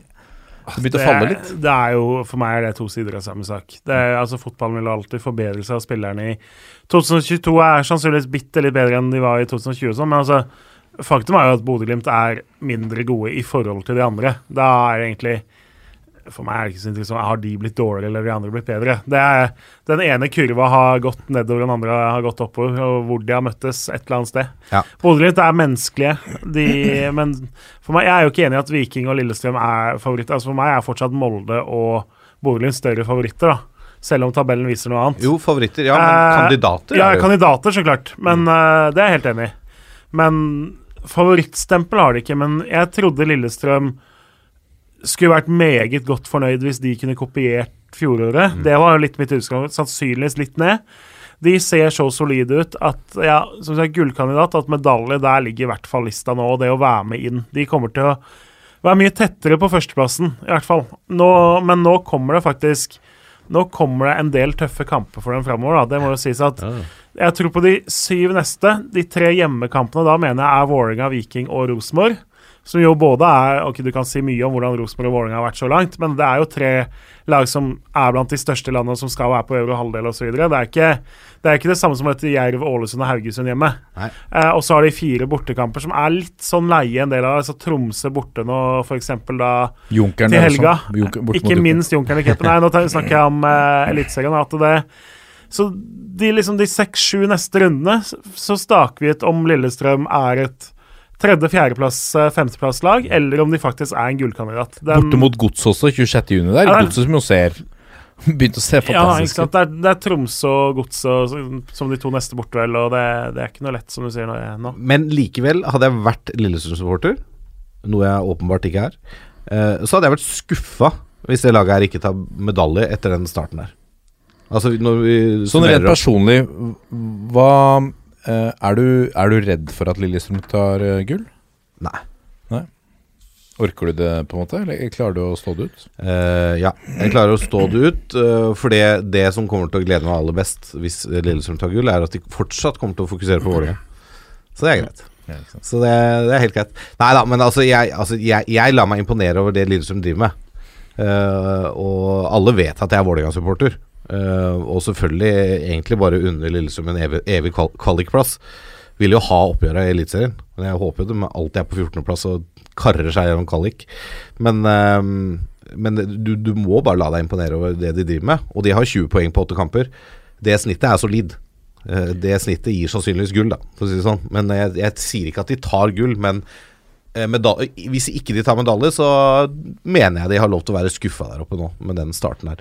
Så Men Så- du, ja. Ja, så må du jo si at de treffer jo vanvittig bra. Vi snakka jo om Tom Petterson blant annet her nå sist, Martin. Uh, Espen Garne også ser jo ut som en helt annen stopper nå. Han har jo lenge vært en Hva skal vi si Litt stereotypen på en primitiv stopper, da. Han går inn holdt på å si, med huet der hvor andre knapt nok går inn med tærne. Han er liksom granitt fra oppe i Hallingdalen der og litt sånn derre Ja, den, den primitive stopperen, han ser jo elegant ut, nesten. Det, det, det hadde jeg aldri trodd jeg skulle bruke om han uten en tydelig ironisk distanse. Eh, så liksom, Lillestrøm er gode på å hente spillere, men de er faen meg blitt gode på å utvikle òg. ja, og så så se, på- se på Eskil Ed, eksempel, som har gått fra evig skadeplaga junior, så han var kjempelenge ute. Han var egentlig midtbane, han hadde liksom ikke noe tydelig posisjon. Plutselig er han en av de beste wingbackene i Eliteserien. Eh, se på ikke sant Se på hvordan de får til ting med Adams allerede. Ok, Adams har et stort råpot råmateriale, masse potensial, det har alle sett. Men det er jo en grunn til at han har blitt i Sogndal lenge. Det har vært litt skader, det har vært mange som har vært skeptiske. Er han liksom den vi kan forme til å være en god nok spiss som forventer? Presser han nok? Er, skjønner han bevegelse nok? Det, mange, alle norske klubber har sett potensialet hans, men det er jo ingen som har henta han før kontrakten gikk ut. Så var han jo egentlig et andrevalg. Nå plutselig ser han jo ut som Han kommer ikke til å skåre like mye som Thomas Lene Olsen, men han fyller den rollen med andre kvaliteter som faktisk på noen av spilldelene kan være vanskelig å forsvare seg mot. da Som er at Lillestrøm er et annet lag å forsvare seg mot enn i fjor, og litt mer uberegnelig på topp. Så Og kanskje styrke laget. Men Du Ja, ja. snakket om laget i stad, at Ja, laget ja, ja. nå har blitt sterkere fordi det hviler større det er- ansvar på flere. Det er jo det Jørgen er litt inne på. De er flinke til å finne de riktige øh, profilene til laget sitt. Og så er de flinke til å øh, utvikle de i posisjon til å passe i laget. Men så skal de også faktisk øh, hylles litt for at de er så flinke til å utvikle profilene. Sånn utafor banen. Altså Garnås, da. Han, han har jo blitt en litt sånn halvveis kultfigur. Uh, Hedenstad Christiansen er også det samme, ikke sant? med kallenavnet Smultringen. Ikke sant? Altså er, de er flinke til å bygge opp profilene sine uten at det går på bekostning av det de leverer på banen, da. I motsetning til visse andre klubber rundt forbi, så, som ikke akkurat klarer å verken bygge profil eller å få det til å blomstre på fotballbanen. Så de gjør jo noe riktig der oppe. Og så vil jeg bare si, for, for det vi gikk videre med Lillestrøm, men når det gjelder Bodø-Glimt, så tror jeg også litt av det handler om at det, Og det er jo igjen dette med å bli bedre eller dårligere, men andre norske klubber har blitt flinkere til å finne ut av Bodø-Glimt. Altså rett og slett å, å demme opp for hva Bodø-Glimt er gode på. Om det er fordi at eh, Bodø-Glimt har blitt litt dårligere, eller om det er fordi at eh, eh, de andre har blitt mye bedre. Men altså, det, det har ikke så mye å si, men Bodø-Glimt eh, blir oftere tatt og, og, og sperra og stengt ned, liksom, på ting de normalt eh, kjører over deg på. Om det kommer av at det har vært litt mye utenomsportslig støy, og at de har takla litt dårlig å møte kritikk på måten de har opptrådt på og, og sånne ting, det kan godt hende at det har prega dem ganske betydelig. Men eh, uansett, ja. Men vi så litt første tegnet på det, kanskje allerede i første seriekamp av Bodø-Glimt-Rosenborg, som, som Rosenborg fant litt ut av det. Kanskje de andre lagene så at å ja, det er sånn, sånn kan vi gjøre det. Um, og det ga også kanskje Glimt en liten sånn knekk, eller selvtillitsknekk, for de var faktisk storfavoritter. Og så var det jo i aller høyeste grad Viking, da, som liksom var det virkelig beste laget. eh, og, og kjempet i senk Ja, ja. i, i, uh, i den 2-0-seieren hjemme. Og så har vi sett liksom, ja Så kom Lillestrøm, hadde åpenbart studert disse matchene nøye. Jeg hadde jo fått lov å møte dem litt før og i cupen der. Ja. Altså Den kampen var jo ikke en 4-1-kamp, Nei, nei, nei. den cupkampen. Så det Og det er klart at du, du Spesielt den Vikingkampen, da. Du så jo helt åpenbart hvor dårlig Bodø-Glimt takla å møte den motstanden de fikk av Viking. Og hvor sure og Ja, altså sure og gretne og bitre og altså, det, er, det har vært en del sånne ting med Bodø-Glimt nå de siste månedene som har kledd dem litt dårlig, rett og slett. Ja. Som jeg håper for dems skyld at de rydder litt opp i. For det, det, de kan ikke være bekjent av det. For det, det er jo ikke sånn de har fremstått når det har gått veldig bra. Nei. Det er litt sånn ref eh, Dag Eilif i stad. Han er jo verdensmester og være eh, gøy og humoristisk når det går bra, men når det går dårlig, så er han jo ikke alltid like god. Ja. Det er en, eh, det er en øvelse, det òg. Å klare det. Vi må gå videre til, eh, eh, til Det er noen som hører på den podkasten som syns vi snakker altfor lite om Viking, og som i hvert fall blir forbanna hvis vi snakker lite om Viking nå, når de ligger på Nå har vi allerede snakka om Viking. Snakka litt om Viking, ja. Men, men eh, Ja, har vi snakka så mye om Viking Nei da? vi kan snakke litt mer om det. Fordi, Vi har da Jeg føler at Viking vi, De har fått mer enn en 16-del de siste episodene. Det må de ha fått. De har nok fått mer enn en 16-del, ja. Det tror Sånn jeg med tanke på at Vi har snakka mer om dem enn Tromsø eller Odd eller Sandefjord eller Sarpsborg. Antagelig. Det antagelig. Mm. Men de, har blitt, de er veldig hungrige der nede nå. De Ja da, men det, nå har vi det. snakka en del minutter om Lillestrøm. Det er jo klart, er det et annet sted hvor det virkelig er vind i seilene, så er det jo Stavanger. Ja. Eh, det, er, si, det eneste eh, som jo hjelper for å dra folk til stadion, er jo å vinne fotballkamper eh, for de fleste lag. Det er ikke det eneste, men det viktigste. Og Viking gjør det jo ganske bra der, kan vi jo si. De har klart å skape mye av det samme som Lillesand har klart å skape, med den tilhørigheten og at eh, Viking har blitt en samlende greie. Det har blitt kult, det har blitt viktig, det har blitt hipt eh, å se Viking spille fotball. Og det var jo et av stedene hvor det kokte på 16. mai og var utsolgt. Og liksom nesten svartebørstendenser i norsk fotball. Det er litt deilig å ha tilbake. Deilig Så- at svartebørsen er tilbake. Nei, men altså at det, at det er knapphet ja, men at det er behov for det, at det skjer. Eller, liksom. Nå tolkes vi i verste mening her, føles det. Men eh, det er greit. Jeg tar den. Så er det jo også litt sånn at uh, henter du en fra toppfotball, så forventer du resultater umiddelbart. Det sier seg selv. Men eh, Viking er jo nå litt sånn Det byttes mye formasjoner, og det har funka så langt. Det, det er jo litt interessant å se hvordan lagene gjør sånne ting. Vi har jo noen trenere som jo stiller opp ganske likt både i medgang og motgang og når det går middels. Og så har vi da Viking som er vanskelig å lese, og som prøver på litt forskjellige ting, og som har litt skader som har medvirka til det. Jeg føler vi har snakka mye annet om disse stopperne. Vi har snakka mye om Berisha. Nå er Tripic ute en, uke, nei, en måneds tid, sannsynligvis. Det, Viking blir spennende å se nå. De har jo ikke i alle kampene hvor de har vært kjempefavoritter, liksom tatt helt av nå. Det ble 0-0 mot Godset. Ok, de vant 3-0 mot uh, Jerv. Men uh, det tok jo sin tid før skåringene kom, og det kom et rødt kort og mye styr der, og, og så videre. Så nei, Viking nå, det vi snakka om, de er som Lillestrøm en gullkandidat, definitivt. eh, I enda større grad enn Lillestrøm, vil jeg egentlig si. Jeg tror Viking ender over Lillestrøm på tabellen. Jeg tror Viking ender foran de aller fleste på tabellen. Men eh, en sesong er lang. Det er det mange som glemmer ofte i mai. Det ser vi hvert eneste år. At mai er liksom tida for tidlige konklusjoner. Nå er altså Kristiansund kan vi bare avskrive, og gullet kan vi egentlig sende til Åråsen eller Viking. Så det, det er jo ikke sånn det er spilt en fjerdedel av sesongen. Det kommer til å skje mye. Men, Men så sier jo alltid også trenere, da. At uh, vi skal, må i hvert fall ha spilt en fjerdedel av sesongen før vi kan begynne å konkludere. Hvis det, spesielt hvis det går litt dårlig i starten. Så kommer jo den. Ja ja, men vent nå, er, vi må få lov å komme i gang, liksom. Ok, nå har vi spilt en fjerdedel. Kan vi begynne å småkonkludere litt, og vi kan konkludere med at Viking er et veldig godt fotballag, syns jeg. Ja. Ja, ja, og det altså, de har Og det igjen, da. Som med Lillestrøm, de har litt typer, ikke sant. Uh, nevner Trippic uten med skade noen. Nevner Berisha. Ikke sant? De har lokal tilhørighet også, og så er det Det er full peis hele tida. Uh, motstandersupportere hater dem, selvfølgelig. Vikingsupporterne elsker dem. Og det er jo sånne spillere du vil ha på laget. Mm. Sånne som bare går foran der. ikke sant? Kristoffer Løkberg-typer som kanskje ikke alltid spiller 90 minutter, da, men når han da blir bytta, så står han nede på sidelinja og coacher sammen med trenerne og er helt med. Og det, det, igjen, den der, det ser ut som den der tilhørigheten, den lagfølelsen, er ganske sterk i Viking også. Og det er så viktig, da, mm. Eh, tror jeg, for å lykkes i en liga som Eliteserien, at du har det i bunn. Da kan du få til nesten hva som helst, virker det som. Ja.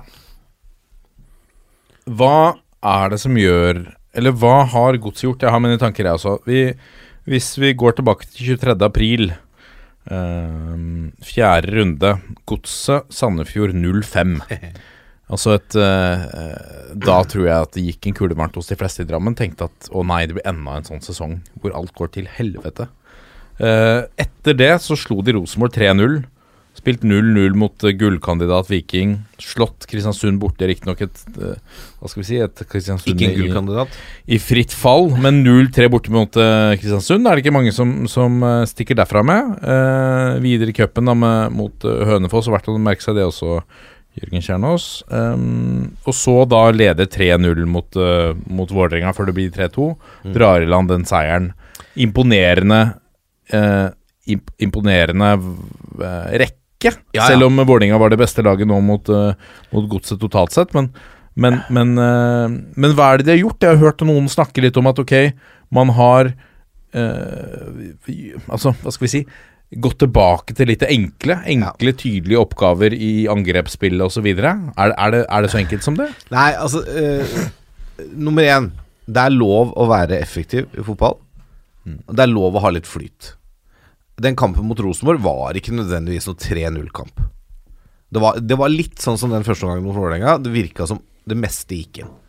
Uh, du nevner det, Vålerenga var det beste laget i første omgang. Uh, og så kommer det tre superkjappe skåringer. De skårer på sine tre første avslutninger på mål.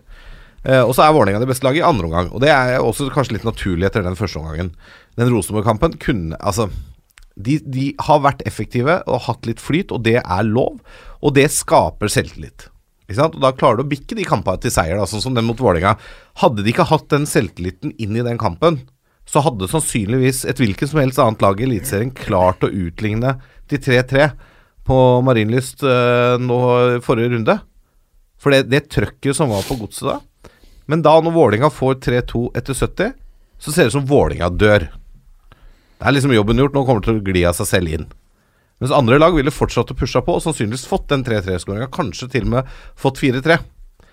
Så de har litt flyt, og så er de, er de, dyktige og slipper unna med litt. For de er inne og ofrer seg og blokker og, og gir gass eh, for, å, for, å, forsvare egen kasse der.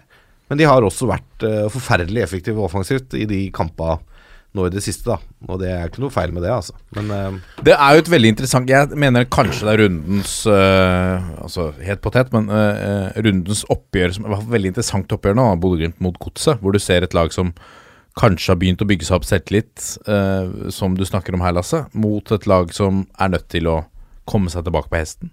Ja, og jeg tror ja, Du spurte, Lasse, om er det så enkelt liksom at det er back to basic. Ja. Eh, nei, det er jo ikke så enkelt, for vi snakka litt i stad om at flyt og altså tilfeldigheter er mye fotball, det òg.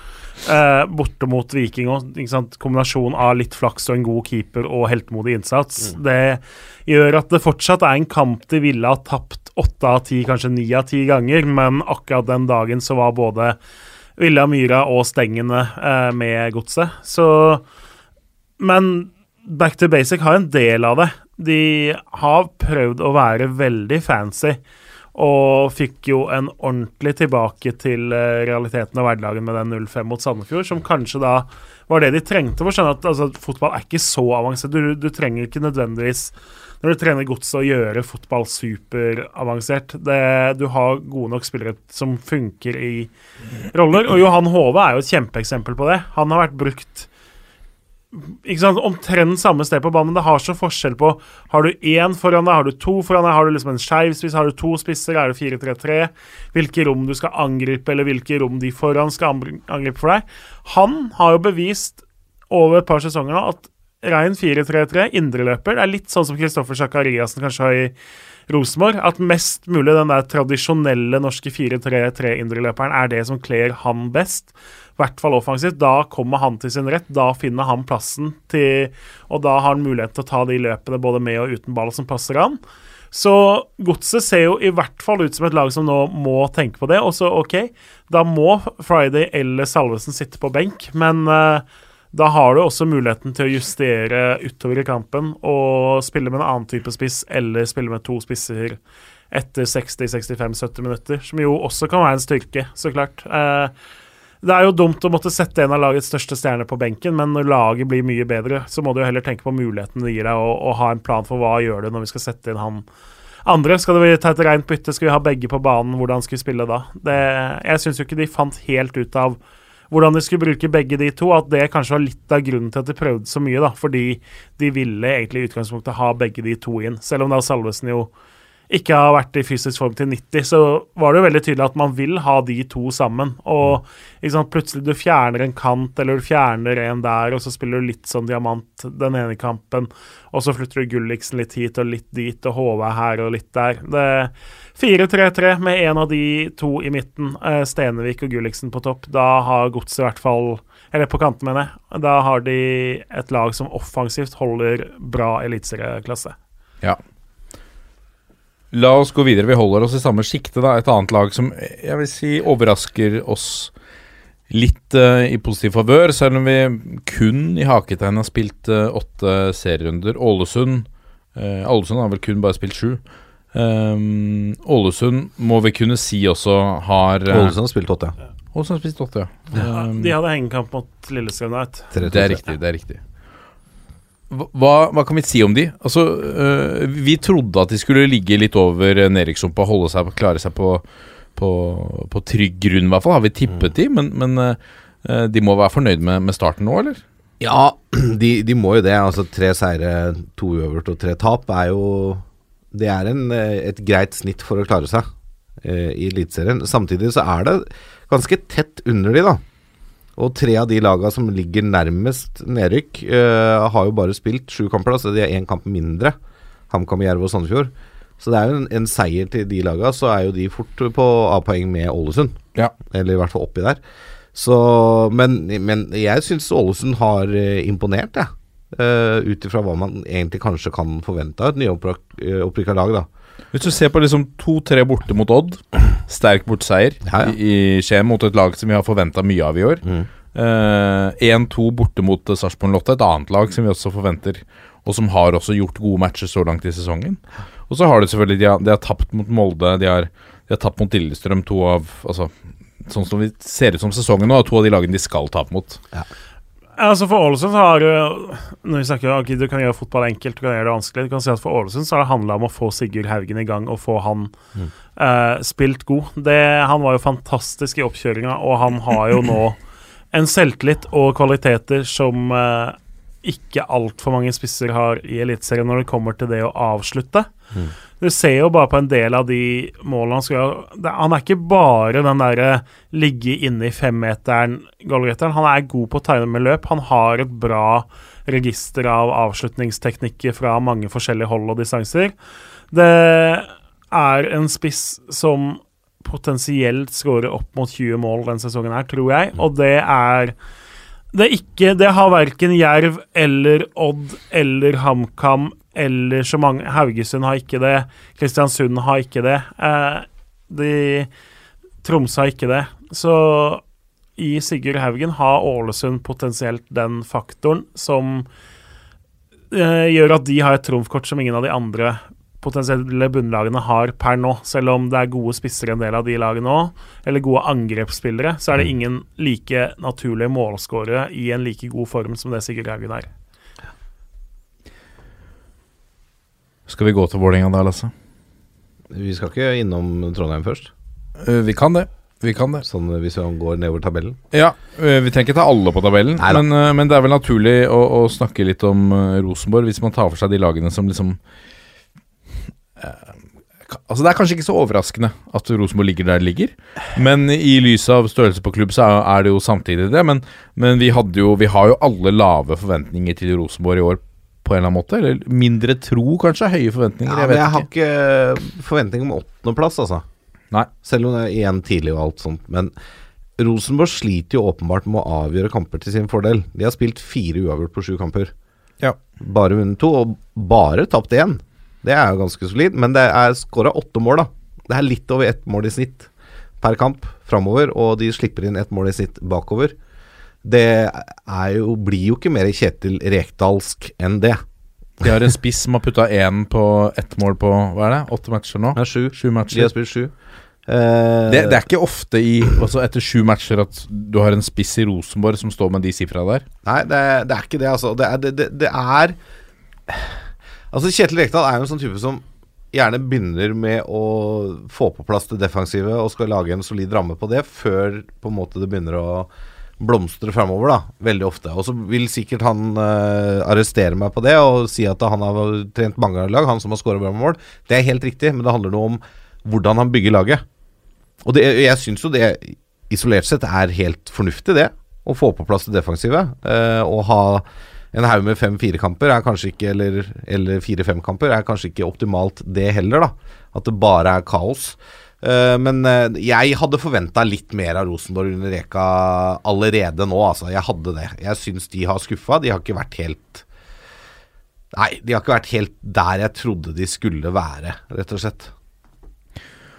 Hva tenker du om, eh, om Rosenborg, Jørgen? Jeg føler det blir litt sånn Gjentagende? Ja, nesten samme som jeg har sittet og snakka om det før. Altså, det er et lag som det er ikke helt lett å se hvordan ønsker å angripe. De er gode tidvis mot lag som Sandefjord, hvor uh, en del av de offensive har litt bedre rom å bolte seg i. eh, har en god dag. Man, mø ja, man møter et lag som ikke er helt der oppe. Men det totalt sett så er Rosenborg et av de lagene som som lag er lengst unna når det kommer til det offensive spillet sitt. Defensivt så har det fungert bedre, i hvert fall i de fleste kampene. Men det er jo noe med det når Markus Henriksen står og sier det alle andre ser etter kamp på Hamar, at det, det føles ut som de tas liksom på det mest elementære i fotball, som liksom er det å møte opp med innsats og guts og kampvilje og orke å løpe. De vil liksom de blir kriga i senk av HamKam. Og jo da, det er ikke noe nytt for Rosenborg å møte et lag som er maksimalt motivert. Men i veldig mange år så har de vært så spillmessig gode at det har liksom ikke gitt betydning. Nå er de jo spillmessig langt unna, og så blir de tatt på innsats i tillegg. Da ser de pinlig svake ut mot et lag som HamKam, og det er ganske langt unna der de skal være. Så jeg er ganske sikker på at Kjetil Rekdal og co. bekymrer seg og undrer og grubler en del på hvordan de skal løse opp på den floka her. En del av svaret ligger jo i det at nå er jo Stefano Vecchia tilbake og kommer til å bli en viktig spiller, for han har det individuelle som kreves for å på en måte skjule litt at laget ikke funker så bra. Men det er liksom ikke nok. Jeg tror Rosenborg fortsatt må gjøre noe annet. Jeg er ikke helt overbevist om at den derre Formasjon er ikke alt, men jeg er ikke helt overbevist om at det laget med de spillerne i den formasjonen er den beste faktoren og kombinasjonen. Kanskje er det å gjøre litt sånn som uh, Gods har gjort, å gå back to basic, uh, kunne gitt en effekt. Men der tror jeg Kjetil Rekdal er litt for sta, og det er lagt for mange egg i den der uh, 3-5-2-3-4-3-kurven til at man kommer til å gjøre det. Men uh, det hadde vært interessant å se. Går vi videre da til, eh, til Vålerenga-Lasse. Eh, Der går alt på skinner. Der går det som vanlig på skinner der, på Valle. Full fart framover og rett inn i gullkampen. Nei, det er jo det, det, det, Igjen, altså, så er det et lag som ikke klarer å få ut Én ting er potensialet sitt, da, for det, er helt, det er åpenbart spillere på det Vålerenga-laget som er mer enn gode nok til å spille Være en, altså ledestjerner i Eliteserien. Sånn. Hvis du ser helt uh, isolert på det. Men så funker det ikke i laget Vålerenga. Uh, jeg syns det blir Det blir litt for mye på tvers og bakover. Det blir litt sånn det, Der de beste lagene de siste åra, sånn som Bodø-Glimt, bare slipper ballen framover med én gang, og de har flere samtidige løp som åpner rom, så går det litt treigt med Vålerenga. Og Osame Sarawi, fantastisk spiller. Men han sliter litt med det jeg kaller Gya Saeed-syken, som Gya Saeed sleit med i starten av Vålerenga-karrieren. Litt for mye kjerning på ball. Eh, litt for mye sånn at han ikke klarer å se de åpenbare valga framover, fordi at han skal gjøre en ekstra vending, eller eh, dra en mann ekstra der, eller drible seg litt ut der før han slipper, istedenfor å bruke førstebevegelsen og ta et lag i ubalanse. Jeg sliter med å se at Vålerenga klarer å spille andre lag i ubalanse ofte nok, da. Det skjer, ja ja, åpenbart. Og så slippes det inn altfor enkle mål. Sånn som Salvesen-skåringa mot uh, Godset nå. ikke sant? Når det er rett fra avspark, og så en feilpasning. Dunk. Ikke sant? Det blir for lett da å skåre på Vålerenga, og det blir for lett å forsvare seg mot Vålerenga. Jeg har av og til brukt uh, 2000-sesongen under Tom Nordli som eksempel. Da var jo Vålerenga kanskje Norges beste lag fram til 16-meteren. Så var det full stopp. Sånn helt. Helt stopp. Mm. Klarte ikke å bryte gjennom etter det, og klarte ikke å skåre mål. Og der, der sliter Vålerenga. Og det, jeg bare Jeg tror det handler litt om sammensetning av spillertropp. Jeg får ikke den umiddelbare følelsen av den derre lagfølelsen som du ser i Viking, har sett i Bodø-Glimt, som du ser i Lillestrøm. Jeg får ikke den følelsen at det, her er det elleve mann som går utpå og er villige til å brekke beina i hver kamp for å vinne den ballen, for å hindre den skåringa, for å få den ballen i kassa. Det blir av og til litt for fikst, og så blir det av og til litt for treigt og på tvers og sånne ting. Og altså, jeg har sagt det i mange år, jeg, jeg savner sånne Berisha-typer i Vålerenga. Jeg savner Tripic-typer, jeg savner uh, Garnås-typer. Jeg savner de spillertypene der i Vålerenga, som er jo fordi Tollwolls Nation er vel en sånn? Ja, sånn delvis. Mm. Han er jo han spil, er, Spiller han jo ikke? Nå spiller han nesten ikke, da, men han er jo delvis det, men allikevel ikke. Uh, han fremstår litt for snill, da. Ikke sant? Men han er jo tøff i dueller og sånn. Men jeg savner å ha noen sånne i sentralrekka, helst, da. Som drar med seg resten av laget. Så det, altså det skal være litt fyring. Det skal, bety, det skal se ut som det betyr noe. Jeg sier ikke at det ikke betyr noe for dem. Men det må se ut sånn også. Mm. Ikke sant? Og, og, når jeg ser en spiller som blir tatt av etter 66 fordi du har lyst til å prøve en annen spiss, så vil jeg ikke se at den spilleren ikke gir high five til han du blir bytta ut med, og går rett i garderoben og ikke gidder å sitte på benken og se lagkameratene sine fullføre kampen. For da viser du med hele deg da, at jeg bryr meg om meg selv. Nå er jeg skuffa over at jeg ikke har prestert godt nok, så nå går jeg i garderoben og sutrer. Sett deg for faen på benken og støtt lagkameratene dine. Altså, for det, det, der holder ikke hvis du skal være et lag, mener jeg. Og det, Der tror jeg mye av problemet til Vålerenga ligger. At det er litt for mye meg og litt for lite vi. Det virker i hvert fall sånn når du ser Vålerenga spille. Ja. Så er det jo Må vi holde oss litt på Vålerenga, da, Jørgen Kjernås, for nå går de altså inn um, Det har vært litt klassisk med Vålerenga de siste sesongene, er at de har ikke akkurat vært bedre på høsten enn de har vært på våren. Uh, nå er de jo ikke så veldig gode på våren heller. Nå går de mot et sommervindu hvor de mister nå Ivan Nesberg i midtforsvaret. Hvor Aron Dønnum går tilbake til uh, Standard Liège. Uh, og hvor Osame Sarawi mest sannsynlig selges. Uh, og Ishmael går, Og Tafik ja. Ishmael forlenger nok ikke det lånet. Etter å no, Kanskje nå Det er jo nesten litt desperasjon at de kaster han inn fra start nå. da ja for å forlenge Det, det, det blinker jo et blått lys der. Joakim Jonsson skal få, skal få jobbe litt i sommer for å sy sammen dette. Ja. Av kontantkortet?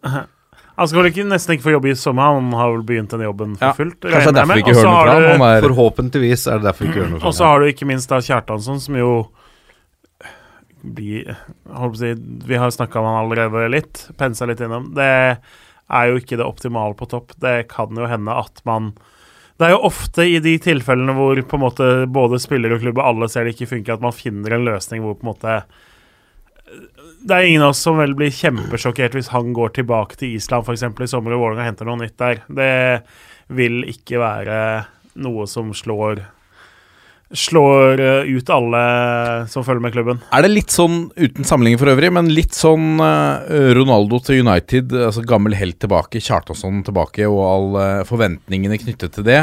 Og så er det på en måte ikke kanskje Altså Laget har ikke nødvendigvis blitt noe bedre ved at den store stjernen har vendt hjem?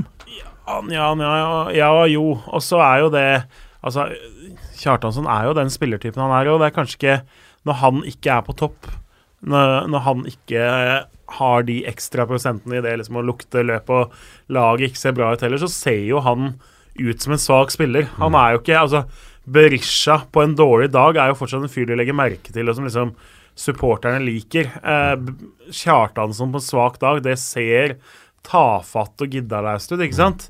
Og det bidrar jo bare til at eh, kritikken kommer mye fortere. Så Nei, jeg, jeg tror Vålerenga fort stiller med en helt ny angrepsrekke. Som er Så litt du tror at de tesen. kanskje kvitter seg med han i sommer, du?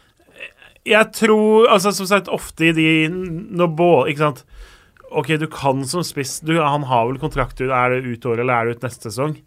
Det, du, noen spillere velger å sitte på en kontrakt uansett, men det er jo ingen fotballspillere som ikke Eller som er fornøyde når ting ikke funker bra nok. Ok, Han skal ha noen mål, da, men ellers så har jo ikke det funka kjempebra. Så kanskje tida er rett for å vende hjem. Og da blir det jo litt sånn som du sier, altså uh, Det er jo litt sånn Tollås og hvor lenge er han nå? Uh, Nesberg, eh, ikke sant. Ut. Litt sånn derre utskiftning av folk som har vært viktige for Vålerenga i ganske mange sesonger, da. Som potensielt kan komme Om det ikke kommer til sommeren, så kommer det jo i hvert fall eh, del to av det til vinteren igjen. Ja. Ja. Og så er det jo litt av Altså mye av utfordringen til Vålerenga er jo at de ikke klarer å skape stabilitet, ikke sant. Det, er, det tar jo mange år imellom hver gang Vålerenga klarer å vinne tre kamper på rad i seriespill. Eh, det, er, det er liksom sånn Du må langt tilbake i tid for å finne, finne det. Ja. Det, det, er, det, det handler Mener jo jeg, da. Det må handle noe om um, Om den kulturen da som sitter i de veggene. Med en gang du får et par gode resultater, så blir det kanskje litt høyt og mørkt og litt sånn Ja, nå kan vi spasere hva som helst, og så får du en smell, ikke sant. Vålerenga taper 5-1 mot, mot Bodø-Glimt. Så vinner de de to neste. Og så er det tap, uavgjort tap etter det. Ikke sant? Det blir ikke noe stabilitet i det. Nei. Altså når Med en gang Vålerenga har sjansen til å koble seg på noe som helst, da, så er det rett ned igjen, ikke sant. Da er det Da, da bare fall, faller det sammen, rett og slett. Det er jo Ja. Det er blytungt. Jeg hadde jo en øh, Jeg, jeg, jeg sjekka jo dette du, med øh, tre kamper på rad-varianten, og det var altså Skal vi se Litt tilbake i tid her. Dette er veldig god podkast, men det er greit. Uh,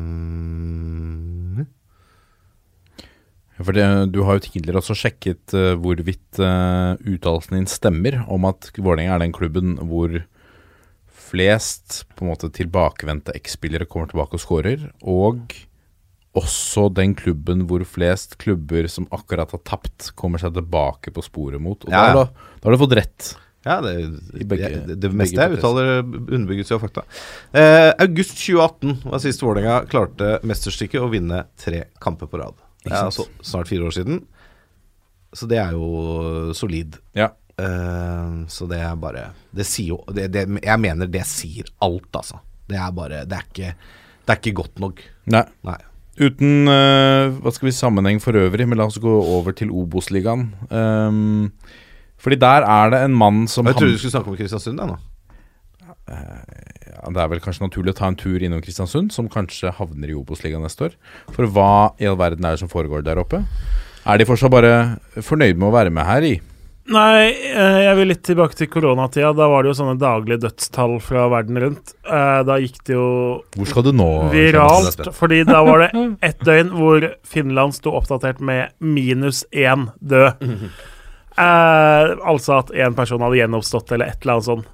Det føles litt ut som det er sånn Kristiansund vil at det skal framstilles på trening nå. At uh, man er snart der nede at uh, man, man, har ikke lenger null friske spillere, man har minus to friske spillere omtrent. For nå har de jo fått utsatt eh, skjebnekampen mot Tromsø uh, pga. at det var visstnok bare tre A-lagsspillere som var friske, for det er feber og faenskap som eh, går i troppen. Uh, det kan jo godt være at det Altså, de har jo sannsynligvis mange ute. Du ber jo ikke folk være hjemme fra trening bare for å lage et skuespill og få utsatt en kamp, men det kommer jo litt sånn beleilig for dem. Det er ingenting som stemmer, og den Tromsø-kampen kommer til å bli dødsviktig. Det er en av de kampene de egentlig er nødt til å vinne. Så de får i hvert fall et lite pusterom, og det gir også en fordel da når du har fri i midtuka foran helgens runde. Så, men på banen, hva skal man si Altså, jo da, de har hatt masse skader på stoppeplass nå. Du hvis du skal følge med på alle endringene som skjer på stoppeplass i den Kristiansund-stallen nå, så har du, altså, da, da, er du arbeidsledig og har ingenting annet å finne på. For der byttes det jo stoppere daglig nå. Det er lån inn, det er lån ut, det er signeringer, det er skader. Det er, altså, det er så mye rokeringer. Og så vil jeg også litt tilbake til, for jeg mener vi snakka om det før sesongen at Kristiansund de hadde jo nå ambisjoner at nå skal de være et medaljelag. Kristian Mikkelsen skrev en ny kontrakt. De har hatt liksom er det, fem, fem, seks, seks og 7, eller et eller annet. De har fem sesonger på øvre halvdel mellom femte og sjuendeplass. De har ofte eh, hengt med i medaljestriden, og så de siste sju-åtte rundene så har de falt sammen og blitt da femte-sjetteplass isteden. Nå er liksom medalje neste lista, og hva gjør de? De henter to unge afrikanere som for all del kan bli gode, men som er langt unna elveren og langt unna hevende lag. Og så henter de Martin Skjølstad og Sebastian Jahl, som jo Ikke sant eh, Og Mikkel Rakneberg. Altså, Rakneberg og Skjølstad kan fortsatt bli god, men de rykka ned fra Obos i fjor, er unge spillere. Jarl har ikke fått noe tillit i Sarpsborg, har vært på Milo. Altså, når de snakka om at nå skal vi bli et medaljelag, så hadde jeg virkelig forventa at her skal det hentes en eller to store navn. Kristiansund har 20 jevne spillere og mange å ta av både her og der. Det de har trengt, har jo vært eh, en spiss som virkelig ser bra ut, og en på midten som går foran og er stjerna. Eh, jeg hadde regna med at de skulle legge liksom en million i lønnsbudsjettet på Altså la to mann komme inn og skinne, da. Og så isteden så går du og henter bare folk som du håper skal bli gode om en sesong eller to eller tre, og som ikke går inn i elveren. Så litt av kanskje feilen deres er at de har tenkt at det her som har funka i fem sesonger nå, skal funke enda en sesong. De spillerne som har levert OK, som har vært litt inn og ut av laget, de skal funke igjen. Uh, på banen de, altså, Godset leste dem jo eksepsjonelt godt. Godset tok dem jo på kontring. Klart at Når du da får inn Marius Alm på stoppeplass, nysignert, knapt nok spilt en kamp på veldig veldig lenge, er temposvak, og så kastes han rett inn. Det er jo en drøm å skulle legge en kampplan mot et sånt lag når du er bortelag. Ok, du har en, du har en temposvak stopper uten kamptrening, og et hjemmelag som kommer til å gå all in for å ta tre poeng. Du veit at de rommene kommer, og de blei utnytta. Ikke, altså Jeg liker Alm, men eh, det er jo en grunn til at han, både når han har vært ute av kontrakt både én og to ganger, ikke har havna i Eliteserien. Tempoet hans gjør at egentlig alle klubber som har vurdert han, har landa på at nei, det, det er for svakt til at vi kan satse på han i Eliteserien.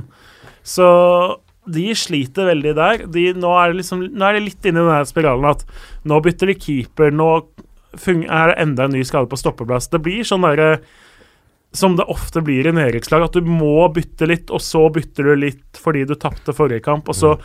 finner du aldri det som funka. Eh, de har fortsatt masse gode spillere. Eh, de har fortsatt en trener som har levert prestasjoner som gjør at han bør havne på statue utafor den stadion. Men eh, Kristiansund og Mikkelsen nå ser litt rådville ut, har mye motgang. Det stemmer ikke, verken offensivt eller defensivt. De har heller ikke altså Moses Mava er ikke den målskåreren som kan skyte dem ut av det.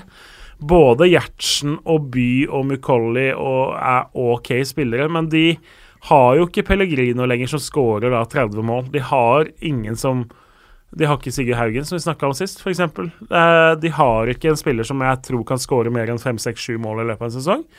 De er nødt til å ta noen sjanser på overgangsmarkedet til sommeren som ikke er helt Kristiansund likt, tror jeg, for uh, å kunne berge den plassen. Og det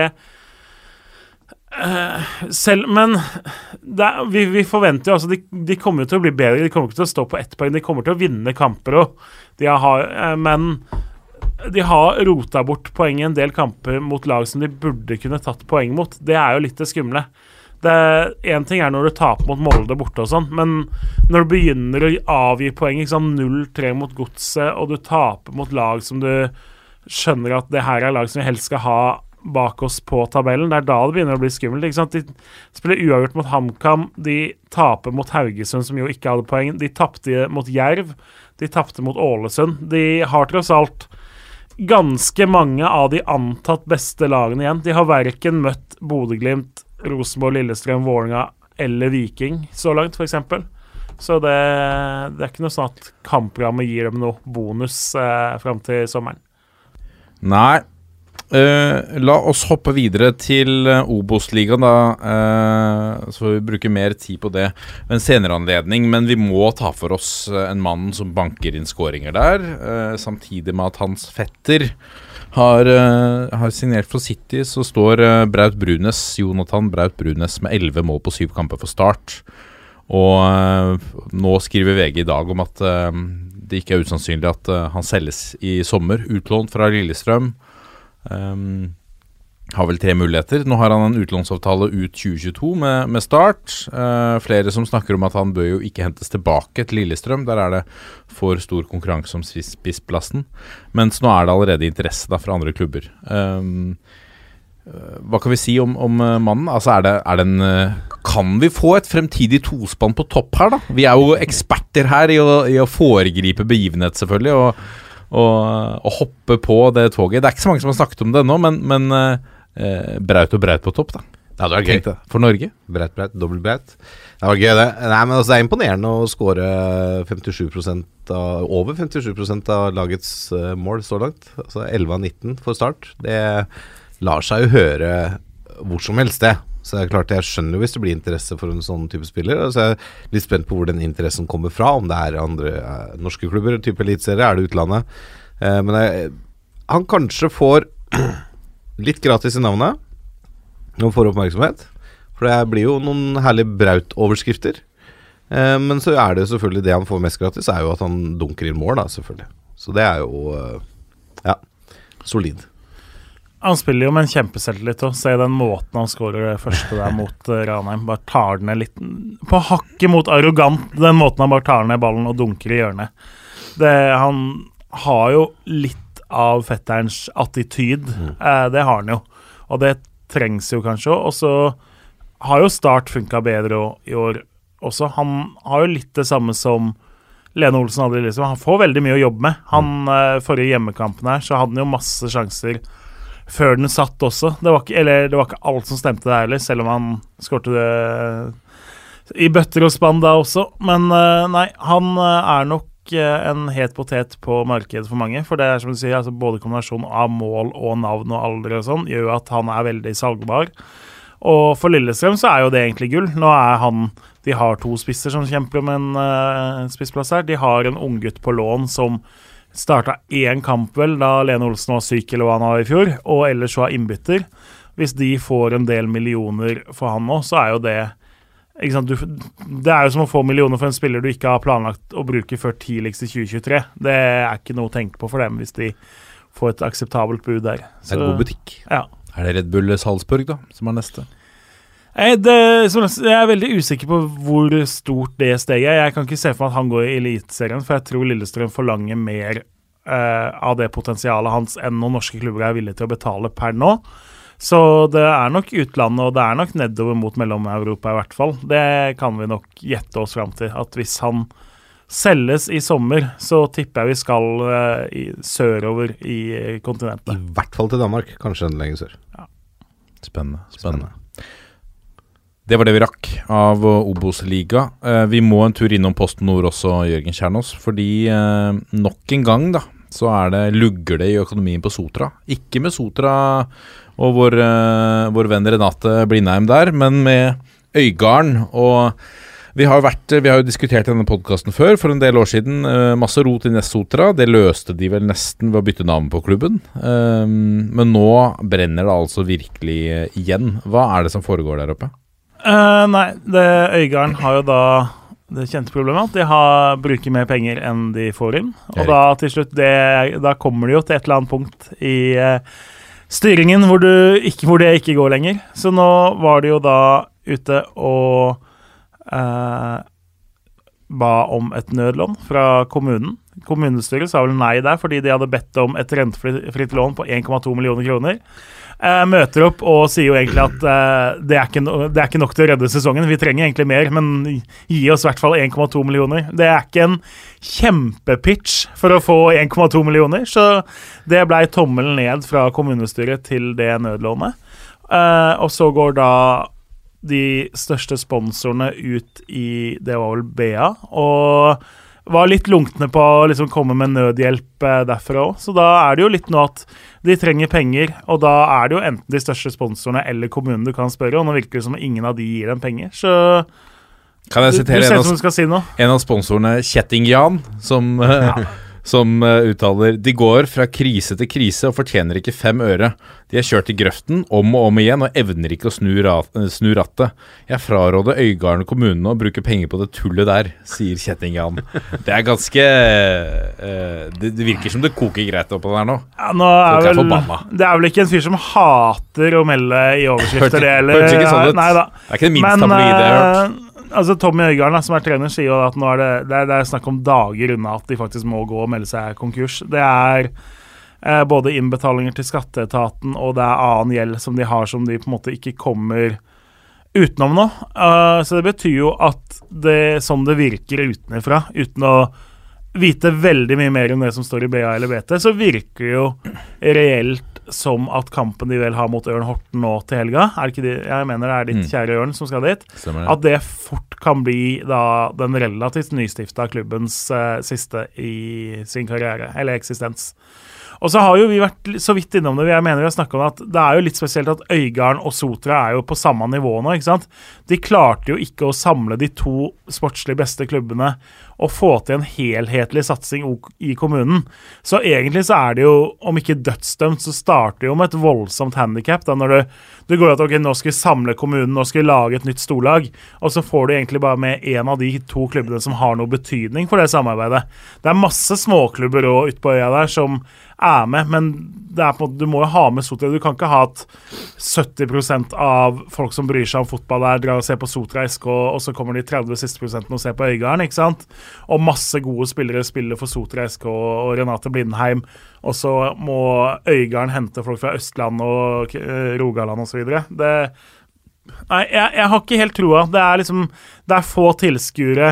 Det virker som de, de har henta Nå henta de jo hjem Alexander Dang. De henta en tre-fire andre gode spillere i vinter, da.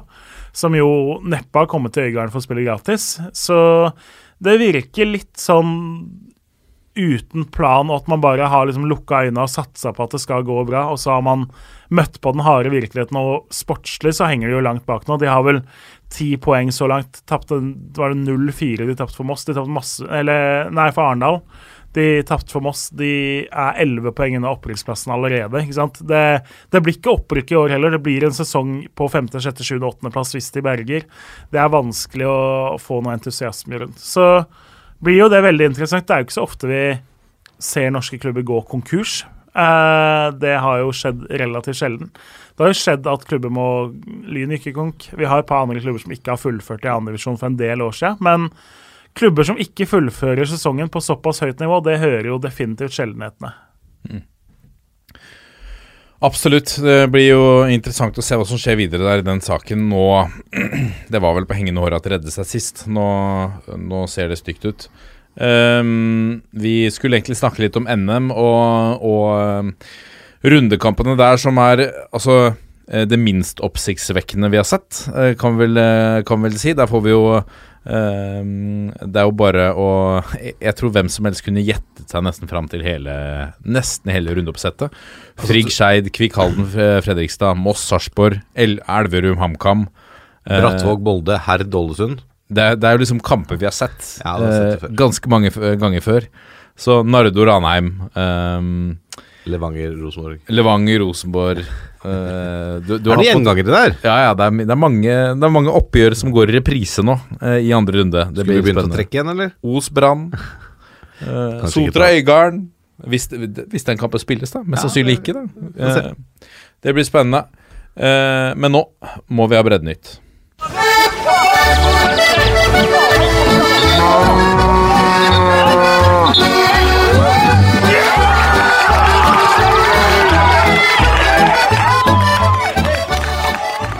Det er en ære og en glede. Og uh, la oss nok en gang da gi en ekstra takk til Vassend Gutanes og deres legendariske Kefir og piano som ligger i bakgrunnen her. Uh, det er en nydelig låt. Nå er det klart for uh, Breddenytt ved spaltens president Jørgen Kjernås. Vær så god, Jørgen. Jo, takk. Jeg ble jo først egentlig litt nysgjerrig på om det egentlig er en nydelig låt, jeg, da. Det må jeg jo si. Jeg får, Den får, får sette den på på toget på vei hjem. Kefir og piano. Eh, nok om det. Jeg tenkte vi skulle starte med noe som teknisk sett ikke er nytt, men som definitivt er bredde. Eh, det er egentlig bare dere som sitter her, vet at jeg er jo over gjennomsnittlig glad i morsomme navn på spillere rundt om i Norges land og rike. Nå er det egentlig lag. Fordi i sjette divisjon Hordaland, avdeling tre, så har rett og slett kretsen gjort sitt ytterste, virker det eh, for meg, for å samle de nydeligste lagnavnene i samme avdeling. Ok, du har da Askøy 2 og Lindås og Masfjordgulen, Fana 3 og vestsiden Askøy, som går på den vanlige delen av eh, fotballnavnskalaen. Men de har samla inn Viking, som leder tabellen. Altså ikke Stavangers Viking, men da bergenske Viking, som jo byr på litt uh, forvirring av og til. Det var vel en stund hvor både Viking fra Bergen og Viking fra Stavanger var på nivå to i norsk håndball, tror jeg, som eh, blant annet skapte litt krøll rundt om. Det er jo et fint navn, selv om det er et kjentere lag, mer kjent lag, heter det vel, som heter Viking.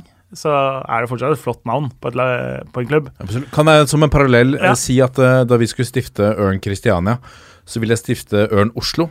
Det fikk jeg nei på, for det var et lag som het Oslo Ørn. Ja. Mens i Tønsberg så, var det, så stiftet de FK Tønsberg, men det var et lag som het Tønsberg FK. Ja, og det har vi jo snakket om. Jeg tror det var Oppsal som uh, booka treningskamp mot det de trodde var FK Tønsberg til generalprøve, og så var det Tønsberg FK som kom med til Valhall. Eh, og apropos ørn, det andre nydelige navnet er jo Ørnen i denne avdelingen. Veldig nydelig navn, det òg. Men så blir det bedre, vil jeg si. Viggo eh, spiller i denne avdelingen. Eh, og så det enkle, greie. Mann. Mann? Og ikke minst Galgen. Oh, det er mørkt. Ja, så jeg vil jo Ja, det er jo et sånt Det er ikke et haiku-dikt, men det er klart Viking, ørn, Viggo, Mann, Galgen. Det, det går an å lage noe rundt det. Kan lage setninger her. Det, det kan man. Eh, jeg er ikke ofte jeg bidrar veldig mye i Breddenytt, men jeg kom over en tweet i dag om en, em, til en bekjent av meg fra Aldre som skulle se kamp i dag i uh, sjette divisjon menn avdeling 3 Indre Østland. Mellom da Slidre Røn og Øystre Slidre Rogne. Det er rått. Det er altså dobbeltnavn på begge lag her. Eh, og i samme avdeling så har du da Hedalen Begnadalen og Vesttorpa Torpa.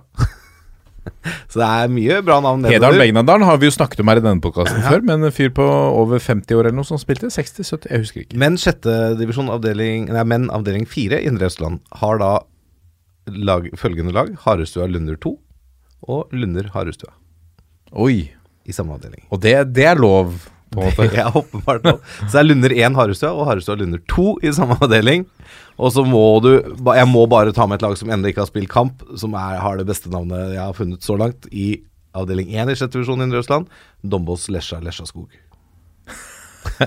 Nå må vi snart over på sånn eh, Må vi videre? Dombås rød, Dombås blå. Ja, ikke sant? Eh, litt sånn som man har i, i barnefotballen. Jepp. Um, hva mer har du, Kjernos? Vi har mer, vet du. Jeg tenkte vi skulle ta en eh, sak som jo ikke er like gledelig. Det er jo da Lura. Mest kjent i sportsverdenen nå kanskje for eh, et par løpebrødre. De hadde jo annet da en av storebrødrene spille en, i fjerdedivisjon for Lura i fjor. Problemet deres Det er ikke så lenge siden Lura lå i tredje heller. Problemet er jo at eh, løpestorebror og nesten alle andre som kunne sparke en ball, har valgt å spille for andre klubber enn Lura. Sånn at Lennox Kanu, for de som husker han, har jo da kommet tilbake. Han har jo vært i Sogndal, vært i Sandnes Ulf i sin karriere osv. Han har kommet inn som ny trener, har tatt over en gjeng hvor En del av spillerne kommer da fra Lura 2, som fikk juling på regelmessig basis i sjette divisjon i høst. Tapte åtte kamper med kalassifre. De andre så er det litt sånn Det er et par som har spilt fjerdedivisjon, men mye spillere som tar på seg skoa igjen for første gang på mange år. Så Lura har starta i fjerdedivisjon. 0-13 mot Kopervik, 0-8 mot Frøyland, 0-14 mot Madla. Der skal det jo sies at Madla er jo opprykksfavoritt, og det sto faktisk 12-0 til pause, så der lå det jo potensielt an til verre skifre.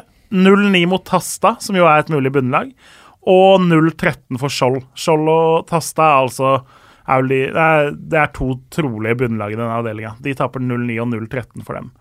jeg vet ikke om jeg har så mye mer å si. Det, det er jo stusslig. Det er sørgelig. Det er jo trist når en klubb på en måte Når det, når det blir sånn, da, at alle forsvinner, og så får du bare inn spillere som ikke er i nærheten av holde nivå. Det er jo ikke det er jo ikke gøy å spille med, og det er jo ikke gøy å spille mot eh, og holde på sånn. Og bare fly rundt og taper du mindre enn tosifra, så er det en god dag på jobben. Det eh, må sies. Men vi skal holde oss i, om ikke i distriktet, så skal vi i hvert fall holde oss i samme fylke. For vi skal til Djerv 1919 og helgens kamp. De spilte mot Stord, lå under 0-1 ganske lenge. Så fant Sebastian Lie Haaland ut at det er ikke så forbanna gøy å drive og ligge under 0-1 i en fotballkamp, så han valgte rett og slett å skåre tre mål før noe Altså hvis du gikk og kjøpte kaffe like før utligninga kom, så gikk du glipp av samtlige tre mål. Jeg prøvde å ta tida her. Eh, på sendinga så ser du at 1-1 kommer etter rundt 61-54. 2-1 kommer etter 62-49, altså 55 sekunder mellom skåringene. Og da har vi med feiring og løpe tilbake hos og avspark imellom. Og så kommer da 3-1 etter 64-46. Noe som vil si at han brukte omtrent, uten at jeg har sittet med liksom millimeterpapir, eh, han brukte da 2 minutter og 52 sekunder på å skåre hat trick.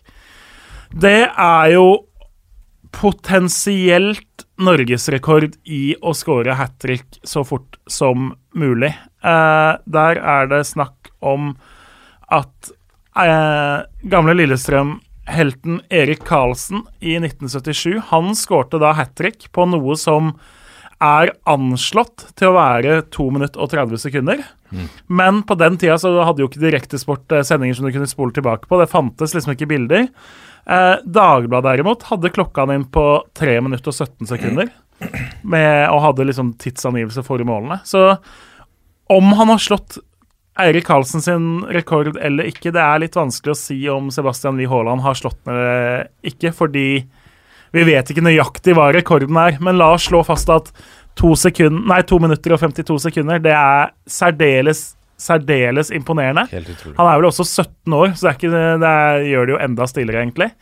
Og det er meget imponerende. Vi kan jo ikke med to streker under svaret slå fast at det er norgesrekord. Og det kan godt hende graver du nede i 4., 5., 6., 7., 8. divisjon de siste 40 åra, så kan det godt hende det er slått av noen, ikke sant?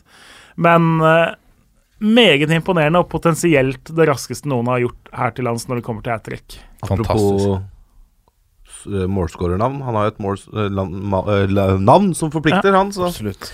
skulle jo bare mangle. Ja, skulle bare mangle, syns jeg. Det, egentlig så burde han skåra fire, syns jeg. Det, Er for dårlig, Sebastian. ja, rett og slett. Hvorfor, hvorfor gi seg med tre? Alle vet at fire eller fem er mye bedre, liksom. Det, nei, det, det er bare å la seg imponere over. En som derimot ikke skårte da han fikk sjansen på topp i fjerdedivisjon, det er jo da Vigør-spiss Sigmund Kruse. Han ble faktisk tatt av etter få sekunder av kampen. Årsaken er jo at uh, godeste Sigmund Kruse er en meget populær prest i uh, området og i den lokale menigheten. Han skal nå gå av med pensjon. Uh, fotballklubben Vigør ville jo da hylle han og gi, måte, sin, uh, gi en hy sin hyllest til han på en verdig måte. Kontakta da Søgne, kontakta dommer og kontakta fotballkrets. Fikk da tillatelse til å starte kampen på litt sånn uh, ved å markere Kruse. Så Kruse kom utpå i den brune drakta, drakt nummer ni. Fikk ta avspark, fikk noen touch før han ble bytta ut til strålende jubel. Uh, jeg måtte jo sjekke, Han står jo ikke på den offisielle lagoppstillinga på fotball.no hvis man skal være ordentlig kjip på det. Men han var ute på banen og fikk en fantastisk hyllest, og jeg syns det er litt kult. Eh, det er jo åpenbart en fyr som har betydd mye da, gjennom sin rolle og gjennom sin væremåte. Det har hørtes ut som en prest så mange ikke sant? Som har betydd så mye mer enn bare yrket sitt, men som har vært liksom en omsorgsperson og betydd noe for mange som har tilknytning til Vigør. At man klarer å liksom lage en liten minneverdig markering som på en måte Det koster så lite, men kan bety så mye, og det er så stilig, og det viser at igjen, fotballklubbene er en viktig del av et lokalmiljø, og man på en måte det går begge veier, da. Så, Så, men dette hyller du, men, men at et brudepar tar avspark, det er du ikke så glad i. Nei, men da Det er helt annet. Ja, det var Ja, men da, herregud, da skulle jo liksom Nei, det var fjas. Ja, jeg Du tenker trenger ikke å gå videre med det. Hæ? Du blir nedstemt. Ja, ja, det er greit, det. Altså, en, en fyr som alle digger kontra altså, lange, flate baller tre, det er ikke seriøst.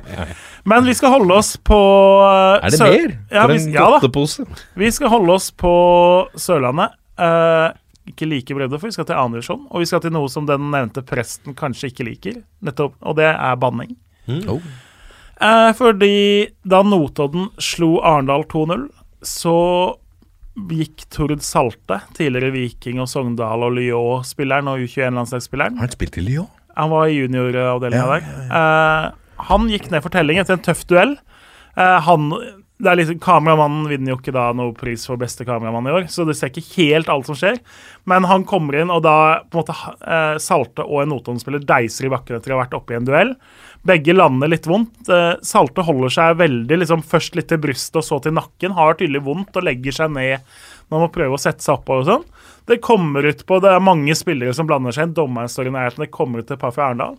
Salte er jo da både irritert og frustrert og har vondt og alt, så mens han ligger her i smerter, så bruker han jo da et uh, meget ofte brukt på fotballbanen, et slengord på det kvinnelige kjønnsorgan, på fem bokstaver som starter på F. Han har jo da sin sportslige leder og litt sånn altmuligmann ved siden av seg, og det ser ut som det er de to som snakker. Men dommeren står jo da halvannen meter unna, hører dette ordet, eh, velger å tolke det som at det blir retta mot seg selv, og drar jo opp det røde kortet til Tor Salte for å ha brukt dette ordet. Og da er det jo først litt på at Hvis du skal gi rødt kort til alle som sier det på en fotballbane, da har du ganske mange kamper som må avblåses fordi det ikke, ikke er nok spillere igjen på banen til slutt. Eh, for det andre så blir det jo ekstra dust, fordi Salte slutter jo ikke å ha vondt etter kampen. Han går til fysio eller kiropraktor eller hva man går til, og finner etter hvert ut han har et brudd i nakken. Han har sagt dette fordi han har dritvondt. Han ligger her med et brudd i en eller annen nakke og må gå med nakkekrage nå i seks uker og liksom har egentlig hatt flaks som kommer ut av det med en såpass lett skade. da. Altså Når du brekker noe i nakken, da kan det gå verre enn nakkekrage i seks uker. Så da har vi egentlig den absurde situasjonen at en fyr har jo egentlig rukket å få rødt kort for en situasjon hvor han også har pådratt seg et nakkebrudd. Knakk nakken og utvist for banning. Yes, rett og slett. Hell i uhell, han øh, hadde jo ikke spilt de kampene om å sone karantene uansett. Så, Nei, kanskje dra den litt langt, jeg ser det. karantenen får ikke så stor betydning. Nei, det kan er- det var det være jeg mente, var det jeg mente. Det er sant. Det er sant. Ikke Hell i uhell, sånn sett. ja, da, da, da, da drar den litt langt, jeg. Men ja, meget snodig. Og det, ja. Svært snodig. Så han går jo da av med rødt kort og liksom holder seg til nakken og sliter med å holde huet oppe omtrent. Altså det, det ser jo bare helt absurd ut. Ja, man ja. må velge sine ord med omhu. Absolutt. Her også. Her også. Altså. Dette er toppfotball. Så har vi kommet til lyttespørsmål, og vi begynner med et spørsmål fra vår venn Olai Årdal, som lurer på kan Jotjar komme med en bekk som Sogndal kan hente i sommer? Så på sparket. Ja, det kan vi jo. Eh, er venstrebekk hvis Sogndal. Det kommer jo også litt an på hvor mye penger de vil eller kan tenke seg å bruke. Eh, Fabian Næss i Grorud er jo litt sånn typisk eh, Sogndal-kjøp. Det er jo på venstresida av Forsvaret. Har vært god i andredivisjon, førstedivisjon. Kanskje stagnert litt nå. Trenger kanskje da å få gått i en hakket større klubb, få litt miljøskifte for å bli Ta det neste steget oppover, da. Det, det kunne vært en typisk Sogndal-signering hvis de er villige til å legge litt kroner i det. Uh, Albert Macchiadi i Kvikkhalden nevnes jo så ofte jeg har mulighet, egentlig. Uh, også på venstresida er jo drivende god offensivt. Det er på tide at noen henter han. Hvis Øygarden går konk, så er jo da Knut Alle opp for grabs der, da. Uh, ja, det er jo Knut Haga er jo egentlig en god venstrebekk uansett, i hvert fall i andre divisjon. Uh, god toveis drivende, eh, so solid spiller, rett og slett. Det hadde vært en interessant signering på den siden av eh, Forsvaret. Da har vi tatt tre venstrebekker, egentlig, hvis vi skal over på høyresiden. Da er det litt tommere, i hvert fall sånn umiddelbart i hjernebarken, må jeg innrømme. Da, hvis vi tenker da, at det er ikke så er ikke så lett, på en måte. Du må legge litt i det hvis du skal ha spillere fra samme divisjon, da. Eh, det må du så klart. Så vi går ned til annendivisjon. Kan det være noen da? Det kan jo hende. Men eh, ikke sånn umiddelbart der på at jeg tenker at der er det noen som må eller bør eh, hentes nødvendigvis. Nå er jo Ermal Haidari har jo spilt venstre, høyre wingback i Levanger nå, men det er jo en litt annen formasjon enn Sogndal spiller, så Nei, akkurat på høyrebackplassen er det nok litt tynnere, i hvert fall sånn umiddelbart hos meg, på spillere som kunne tenkes det. Men de tre nevnte med eh, Ness, Haga og Makiadi på venstre er i hvert fall spillere som bør være aktuelle. Ja. Han følger opp med spørsmål Hvem blir den første til å få sparken i Obos? Nei, det, jeg tror jo verket Altså, Skeid og Blink har jo starta svakt, men det er jo ikke noe kjempeoverraskelse for noen av dem. ikke sant? Skeid rykka opp, og Blink ansatte ny trener nå rett før seriestart. Uh, Kevin Knappen, som jo da har starta med fire poeng på åtte kamp for Bryne, ligger nok tynnere an da, når du ser på bunnlaget der. Morten Røsland og Åsane ser jo klart Nå fikk de en veldig veldig, veldig viktig seier da, i, uh, nettopp, mot nettopp eh, Sogndal, som jo gjør at livet er litt mer behagelig hos Åsane, men at eh, Røsland nok har sittet litt utrygt, at man har vært litt sånn i villrede i Åsane på hva man skal gjøre, det, er, det har man nok definitivt vært. Så hvis vi sier at det kanskje er de to som per nå ser mest utsatt ut, for alle andre har egentlig levert omtrent som forventa, eller er såpass nyansatt, eller litt sånn. Så det Jeg tror ikke Knappen nå er nyansatt, da, men uh, Klart Hvis Bryne styrer mot nedrykk, så er de handlekraftige nok til å kunne gjøre noe der. Uh, så nei. Røsland er nok den som lever mest utrygt, og Knappen bør nok ikke fortsette med å tape fotballkamper, i hvert fall. Men nå har de jo fire poeng nå samla sammen. Da, Og godt tips, da. Begynne å vinne litt. Veldig godt tips. Er det ikke godt vi sitter her og skal prøve å mene litt ting? Vinn fotballkamper, så slipper du å få sparken. Det er bra. Lars Aksnes spør, denne går til deg, Lasse. Norsk toppfotball får 200 milio millioner kroner. Det må vel være et tenkt scenario, dette? Eller eh, er det TV-rettigheter han snakker om? Um, hva hadde dere helst sett de brukt på? Så har han tre alternativer. Bedre kursing av dommere, gressbanetilskudd eller økt markedsføring av norsk ball. Åh, det er 200 mill. er egentlig ikke altså, det, Nei, men det er cocky å si, det er ikke så mye penger. Nei, Sånn, men, det er litt cocky å si, men jeg, jeg tror du kan kurse ganske mye dommere for halvparten av det. 100 mill. er i kurs. Ja. Mm. Og så Det blir jævlig mye wienerbrød på de kursene. Eller- Altså, Det er kurs og konferanse, Nei, da. Kurs og konferanse. ja, Vi løser det på følgende måte. 50 millioner går til kursing av dommere, Rått. og 150 går til eh, gressbanetilskudd. Gressbanetilskudd. Men um, det settes da selvfølgelig i et uh, veldig godt fond først. I, så det får godgjøre seg i tre-fire år. Hvor skal du sette da? Skal det komme litt Nei, det, er, tips? det har jeg ikke noe peiling Det må noen andre styre. Men uh, sånn at det da om fire år så er det så mye penger der at det faktisk uh, gjør en forskjell. Ja. Kjør! Jeg kom, Like bra tips som å begynne å vinne kamper. Så det ligger et fond som går jævlig bra, liksom bare går rett til himmels. ta en indeks, Ja, ja. Så hvis Kevin Knappen i tillegg setter litt av Brynes penger i fond, sånn at han kan kjøpe tilbake Det Braut Haaland, så går det fint. Ja. Rått. Uh, jeg kom på en veldig god idé i stad, som vi snakket om, som jo jeg regner med at noen plukker opp, en TV-kanal. At uh, Luksusfellen tar for seg fotballklubber, reiser rundt. Hallgeir Kvalsheim setter opp den tavla og viser hvilket, hva, hva du bruker alle pengene på. her har du på. brukt 1,5 millioner på én spiller som ikke leverer. Er du helt sinnssyk? 1,5 millioner kroner? Du har, ikke nok, du har ikke nok til lønn til de andre spillerne dine. Men altså, Hallgeir Kvalsheim har jo en av de beste tweetsene som er fotballrelatert i historien nå. Eh, det var jo Hvem var det som tvitra at de hadde Det var en eller annen klubb som tvitra at de hadde mange solide regninger. Det var jo en autokorrekt for redninger. Og han da svarte 'Jeg kommer!' utropstegn til han svarte. Han er Det er bra. Det er bra. Han er sterk. Det er stort. Uh, vi går videre til et spørsmål fra Roar Meskare R. Brakstad. Det blir eh, Roar Ja, vi går videre. Uh, Haugesund har Christos Safaris på en fireårskontrakt. Hvor mye kan de få for han? Er det mulig å kreve 25 mil eh, pluss om noen kommer fra han i sommer? Kanskje litt tidlig med 25 mil, eller? I sommer tror jeg det er litt mye. Ja. Hvis så fortsetter den utviklingen, eh, og fortsetter å levere på et høyt nivå, så kan det jo hende at om noen år så kanskje du klarer å hente inn de summene, da. Ja. Eh, så det, det er jo åpenbart en spiller som har noe ved seg, Ja. som kan bli verdt en del peng. Helt enig. altså 25, og Hvor mye fikk de for Velde? Var det rundt 10 de fikk for han? Jeg tror Safaris har et høyere potensial, men det er jo alltid også sånn at en offensiv spiller med målpoeng gir jo litt ekstra sånn eh, når folk skal ut og kjøpe noe. Så 25 blir jeg sjokkert hvis Haugesund er i nærheten av å få for Safaris noen gang. Det er mye mer naturlig å se for seg at de selger han i beste fall for et sted mellom si 10 og 15. Da har de gjort en god handel. Selger den til Belgia, selger den til Nederland, selger den til noe sånt. Få med noen sånne klausuler, få med en videresalgsavtale.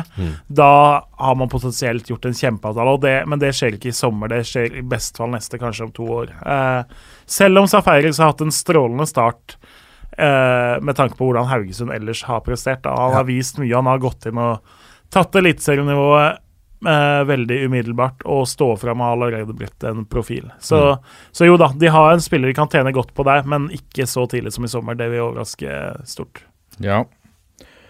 Eh, onkel Henrik på Twitter spør når får Gaute Helstrup livstidskontrakt i TIL? Det er det vel aldri noen som kommer til å få. Eh, kan jeg se for meg, med mindre de tar en Kjetil Knutsen og, og gjør et gullag av de helt der oppe. Har, er dere så imponert av Gaute Helstrup så langt? Da må jeg med at jeg lurte på om det var noe lag av ironi eller sarkasme som jeg ikke Ja, helt tok. Selv om det. Gaute Helstrup og Tromsø har gjort en helt anstendig jobb, de, så er det jo ikke noe Det er jo ikke rett på sokkel utafor Alfheim eh, likevel, liksom. Det er vel trenere opp Kan ikke igjen kaste sokler etter folk her. Nei, det er vel trenere i historien som har gjort det bedre med Tromsø enn GT Helstrup har gjort. Ja. Nei, så der, der, må jeg, ja, der ser jeg for meg at det er noe jeg ikke helt har med spørsmålet. Selv om jeg, jeg liker Gaute Helstrup både som holdt på å si, trener og person. Jeg er en sympatisk og fin fyr. Men eh, Tromsø gjør det jo ikke bedre enn det de som skal forventes. og ser du på en måte på tallene deres både fra i fjor og egentlig denne sesongen, så er det jo det er et defensivt solid, solid lag, men offensivt så er det jo omtrent det svakeste Eliteserien har hatt å by på det siste halvannet året. Skvise inn en Ørn Horten-referanse her også, selvfølgelig, som jeg prøver på ved enhver anledning. Eh, da de møttes i 2001 i førstevisjon, daværende eh, Tromsø-trener Trond Johansen, tror jeg. Trond Bolla Johansen, kanskje han het. Husker ikke. Eh, nok ikke noe statue, i hvert fall i Lystlund. Eh, for etter kampen så boksa han eh, legendariske, vår legendariske keeper Helge Fjell i magen rett etter matchen. Avsluttet kampen på den måten. Vel, vel, vi må videre. Solid. Solid, det. Det er ikke ofte du ser fra en, en trener. Lite slag der.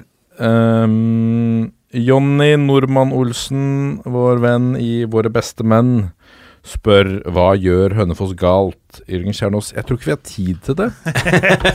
Nei, det har vi jo ikke tid til, men Mye det ja, det er den som hadde visst det. det men nå er det jo Det er jo sånn tragikomisk, da, for nå kaster de jo bort poeng etter poeng på overtid. Uh, sist, de har jo da gitt fra seg ledelse og tapt poeng på overtid mot både Raufoss 2, Hødd 2, Molde 2. Slapp inn mot Toten på overtid, men da leda de jo 2-0 og slapp et til. Uh, mot Br- Brumunddal nå. Leder 3-1 inn i overtida. Det er lagt til to minutter. Slipper inn 3-2, og så når det er spilt nesten ni minutter, så kommer 3-3. Så ut som en dommer som eh, absolutt ikke ville hjem. Vet ikke om det er hunden som skulle luftes, eller en kone som var sur, eller en bensintank som nesten var tom, eller Han så ut som han bare hadde lyst til å bare dømme den kampen for alltid. Så Deilig. han bare, bare la til mer. Så nei, klokka den er jo så nøya. Kan ikke bare spille litt ball når vi først er her, liksom. Så, og da fikk de jo så klart et rødt kort, sånn som de fikk to av mot Godset i cupen. Men det Klart, nå har man jo El Amrani eh, utvist for å elge på dommeren der, eh, så jeg. Ja, det ble hevda noe spytting, det kom, men det Altså, kamera er jo stilt på en sånn måte at du ser bare bakhuet hans, og du ser at dommeren reagerer på et eller annet sånt, men det er ikke mulig å se noe spyttebevegelse sånn fra bak skeivt. Det er det jo ikke. Så og, Nei, jeg veit ikke helt. Det, det virka litt snodig, hele den greia. Men det var i hvert fall et Hønefoss-lag som hadde litt tenning, da. Det har jo egentlig savna litt over ganske mange år nå. Men Ja. Få se. Nå er de på trenerjakt. Den sesongen er jo ikke helt tapt ennå, fordi det er jo Ålesund 2 og Molde 2 som er de to topplagene. Begge har veldig solide juniorer. Men uh, det er jo litt prioriteringer på at det kommer kanskje ikke til å være så mye A-spillere med veldig lenge for de lagene. Uh, ikke sikkert de nødvendigvis vil rykke opp uh, for enhver pris. Så muligheter er det ennå, selv om man har sølt bort ufattelig med poeng. Denne sesongen her er fortsatt mulig å få noe ut av hvis de treffer riktig på trenerfronten, som jeg tror de gjør. Så sier eh, Eivind Tandberg på Twitter at det var styremøte i kveld på Aka Arena. Uh, ny trener er ansatt, men ikke annonsert ennå. Kommer i løpet av relativt kort tid. Kanskje Ja, allerede Det kan bli klart denne uka her, eh, håper man. Uh, og da tror jeg det blir bra. Man har hatt en hatt mange store navn i eh, den tidlige diskusjonsfasen der, og sikta høyt i Kan du røpe noe? Eh, nei, du kan jo, hvis du går gjennom Eliteserien de siste årene og ser på hvilke folk som har vært trenere der, og som nå ikke har trenerjobber, så kan du sette en del av dem på lista som man i hvert fall har tenkt på. Som man i hvert fall ikke sikta for lavt, men jeg tror man Jeg tenkte som Vegard Skogheim eller noe. Jeg skulle ta turen. Nei, det hadde vært overraskende hvis det, han gikk fra Asker, selv om de sliter. Men uh, det uh, Ja, man har tenkt på navn som har noe i norsk fotball Som er kjent i norsk fotball, og så har man landa på et navn som er kjent i norsk fotball, men som, Ikke sant? Her sitter du og vet, Ja. og så som eh, holder du i hvert fall meg på så Lasse bryr seg ikke om Ja, dette. Jeg syns det er interessant. Breddefotball. Vi får se, da. Hvis man uh, Man har også funnet på en måte gode trenere som ikke har spilt 500 eliteseriekamper eller 80 landskamper. da. Det finnes noen av de òg. Og jeg tror man heller skal gå den veien. da. Ja. Det er uh, Lars Bohinen har vel ikke 500 uh, Ja, men Han har ganske mange landskamper, men han har overraskende få, tror jeg. jeg mener Ja, vi han har ikke 50 heller, vet du. Så det er han- Lars Bohinen. han har for- Ja, Ja, da går vi. Ni, Ja. Han har 49, ikke sant? Ja. Han skulle hatt 50. Fordi men, Fordi han, Ja, han eh, boikotta mot Frankrike. Frankrike fordi Frankrike hadde atomprøvesprengning i Atlanterhavet. Det Stemmer nok. I hvert fall en prøvesprengning. Ja. Ja. Ja, Et eller annet sted hadde de det. Det kan ha vært på en eller annen av de der øyene de eier borti En atoll. andre steder i verden. Det er et ord vi bruker for sjelden. Atoll. Atoll, ja. Hva betyr det? Det er en sånn øy. Er ikke det en sånn bitte liten øy, oh, ja. liksom? Ja. Så at det er Den har egentlig ikke helt bestemt seg for om den er øy eller bare en sånn liten stein som stikker opp. Har de liksom. fotballbane? Tvilsomt. Ja, men Atoll, er ikke det sånn alle sånne ting? er Eller det fins jo noen steder som heter sånn den et eller annet atollen og sånn. Men det er en atoll. Men det er liksom en atoll er et sånt Ja. er en eller ja, flere kor jeg kan forstå hvorfor denne episoden rundet to timer, eh, i hvert fall. Det er ikke noe tvil om, eh, men Det er sykt kjedelig hvis du har sittet i to timer og venta på atollet. Endelig kom diskusjonen. Hater når det Det er 229 episoder 228 episoder på Endelig! Nå blir det bli seint, gutter! herregud, la oss runde av. men altså, tenk på Jeg har jo aldri fått så mye respons for ting som er sagt her, som da vi ymta frampå om Tromsø by sitt kallenavn. La oss ikke rikke Ja, i den. nei. Så det kan jo hende at Toller vekker følelser vi ikke forstår. Da? Nei, det er Det var mange som ville forklare hvorfor Tromsø var Nordens Paris. Da. Det fikk jeg forklart. Det Ja. er det. Ja. Uh, vi er uh, Toppfotball uh, på sosiale medier. Eh, send en mail på toppfotball.451.no. Um, så runder vi av, da. eh, på sedvanlig vis på 1, 2, 3. Vi er en gjeng. Ha det!